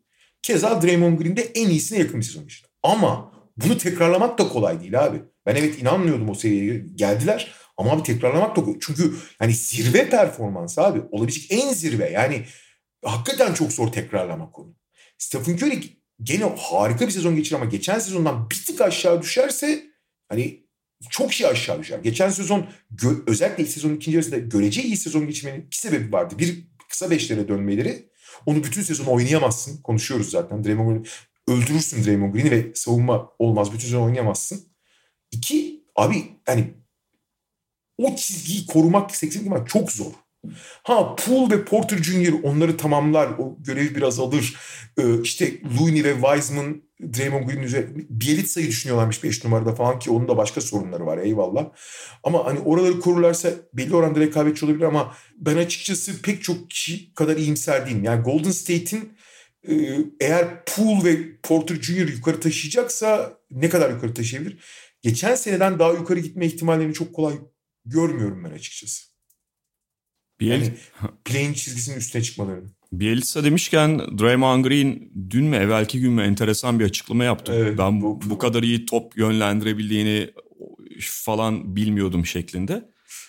yani zaten hani bu Golden State'in e, hemen e, mümkün olduğunca fazla oyuncuya o rolü bölüştürmek, pay etmek istediğini biliyoruz ama muhtemelen e, Avrupa'dan sonra ilk defa o kadar rol alacak böyle bir şeyin içerisinde. Böyle bir şey e, pas rolü alacak ya da oyun yönlendirme. Orada ciddi verim de verebilir. Ama Tabii. E, bu savunmaya yani savunmanın sorunlarını daha da büyütür bir taraftan. Ve son takımımız Sacramento Kings.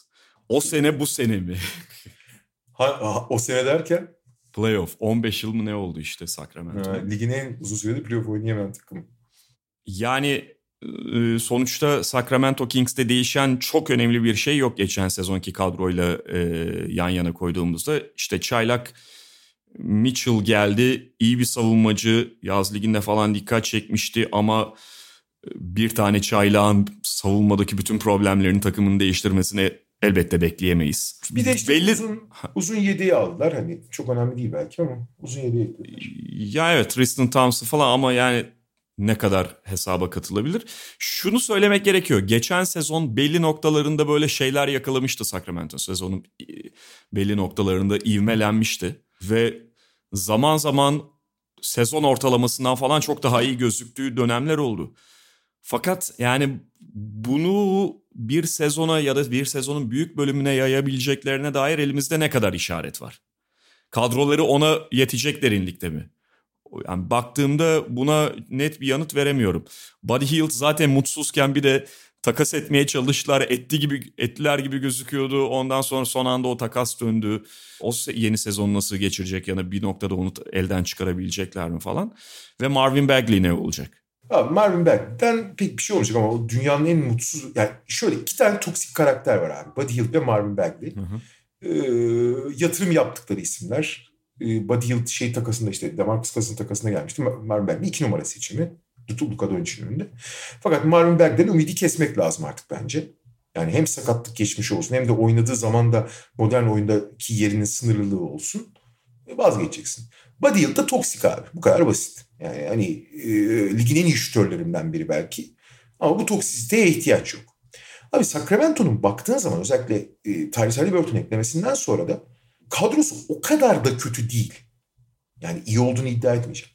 Ama abi yani Luke Walton'a biraz Luke Walton'a değiştirmiş olsan, biraz güvenebiliyor olsan ve işte Buddy Yield'ın ve Marvin Bagley'nin toksikliğinden bir şekilde arınacaklarını, için takas edeceklerini ya da yazın takas edeceklerini. Yani iyi bir genel menajer abi bu yaz Buddy Yield ve Marvin Bagley'i bir şekilde takas eder ya da birinden birini yani ve Luke Walton'u değiştirir. Eğer bu olursa bu takım gerçekten geçen en azından geçen sezonki savunma çizgisinin üzerine çıkabilir. Çünkü geçen sezonki savunma çizgisinin üzerine çıkamazsan Tarihin en kötü savunmasıydı o. Evet.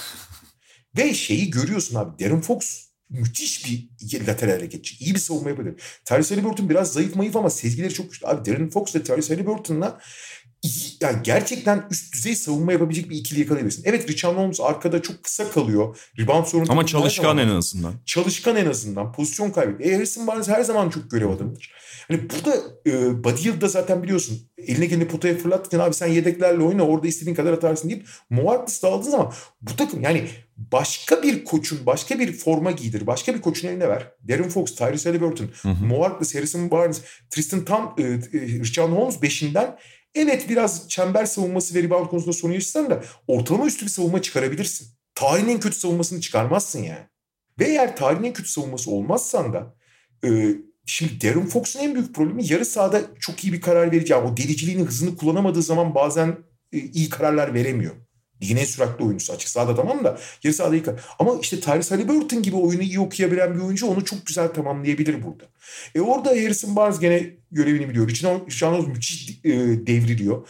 Buddy Yıldız ya da işte başka bir şütörü kullandığı zaman hücumda da belli bir potansiyeli var. Ya bu takımın iyi değil ama vasat olması mümkün. Evet.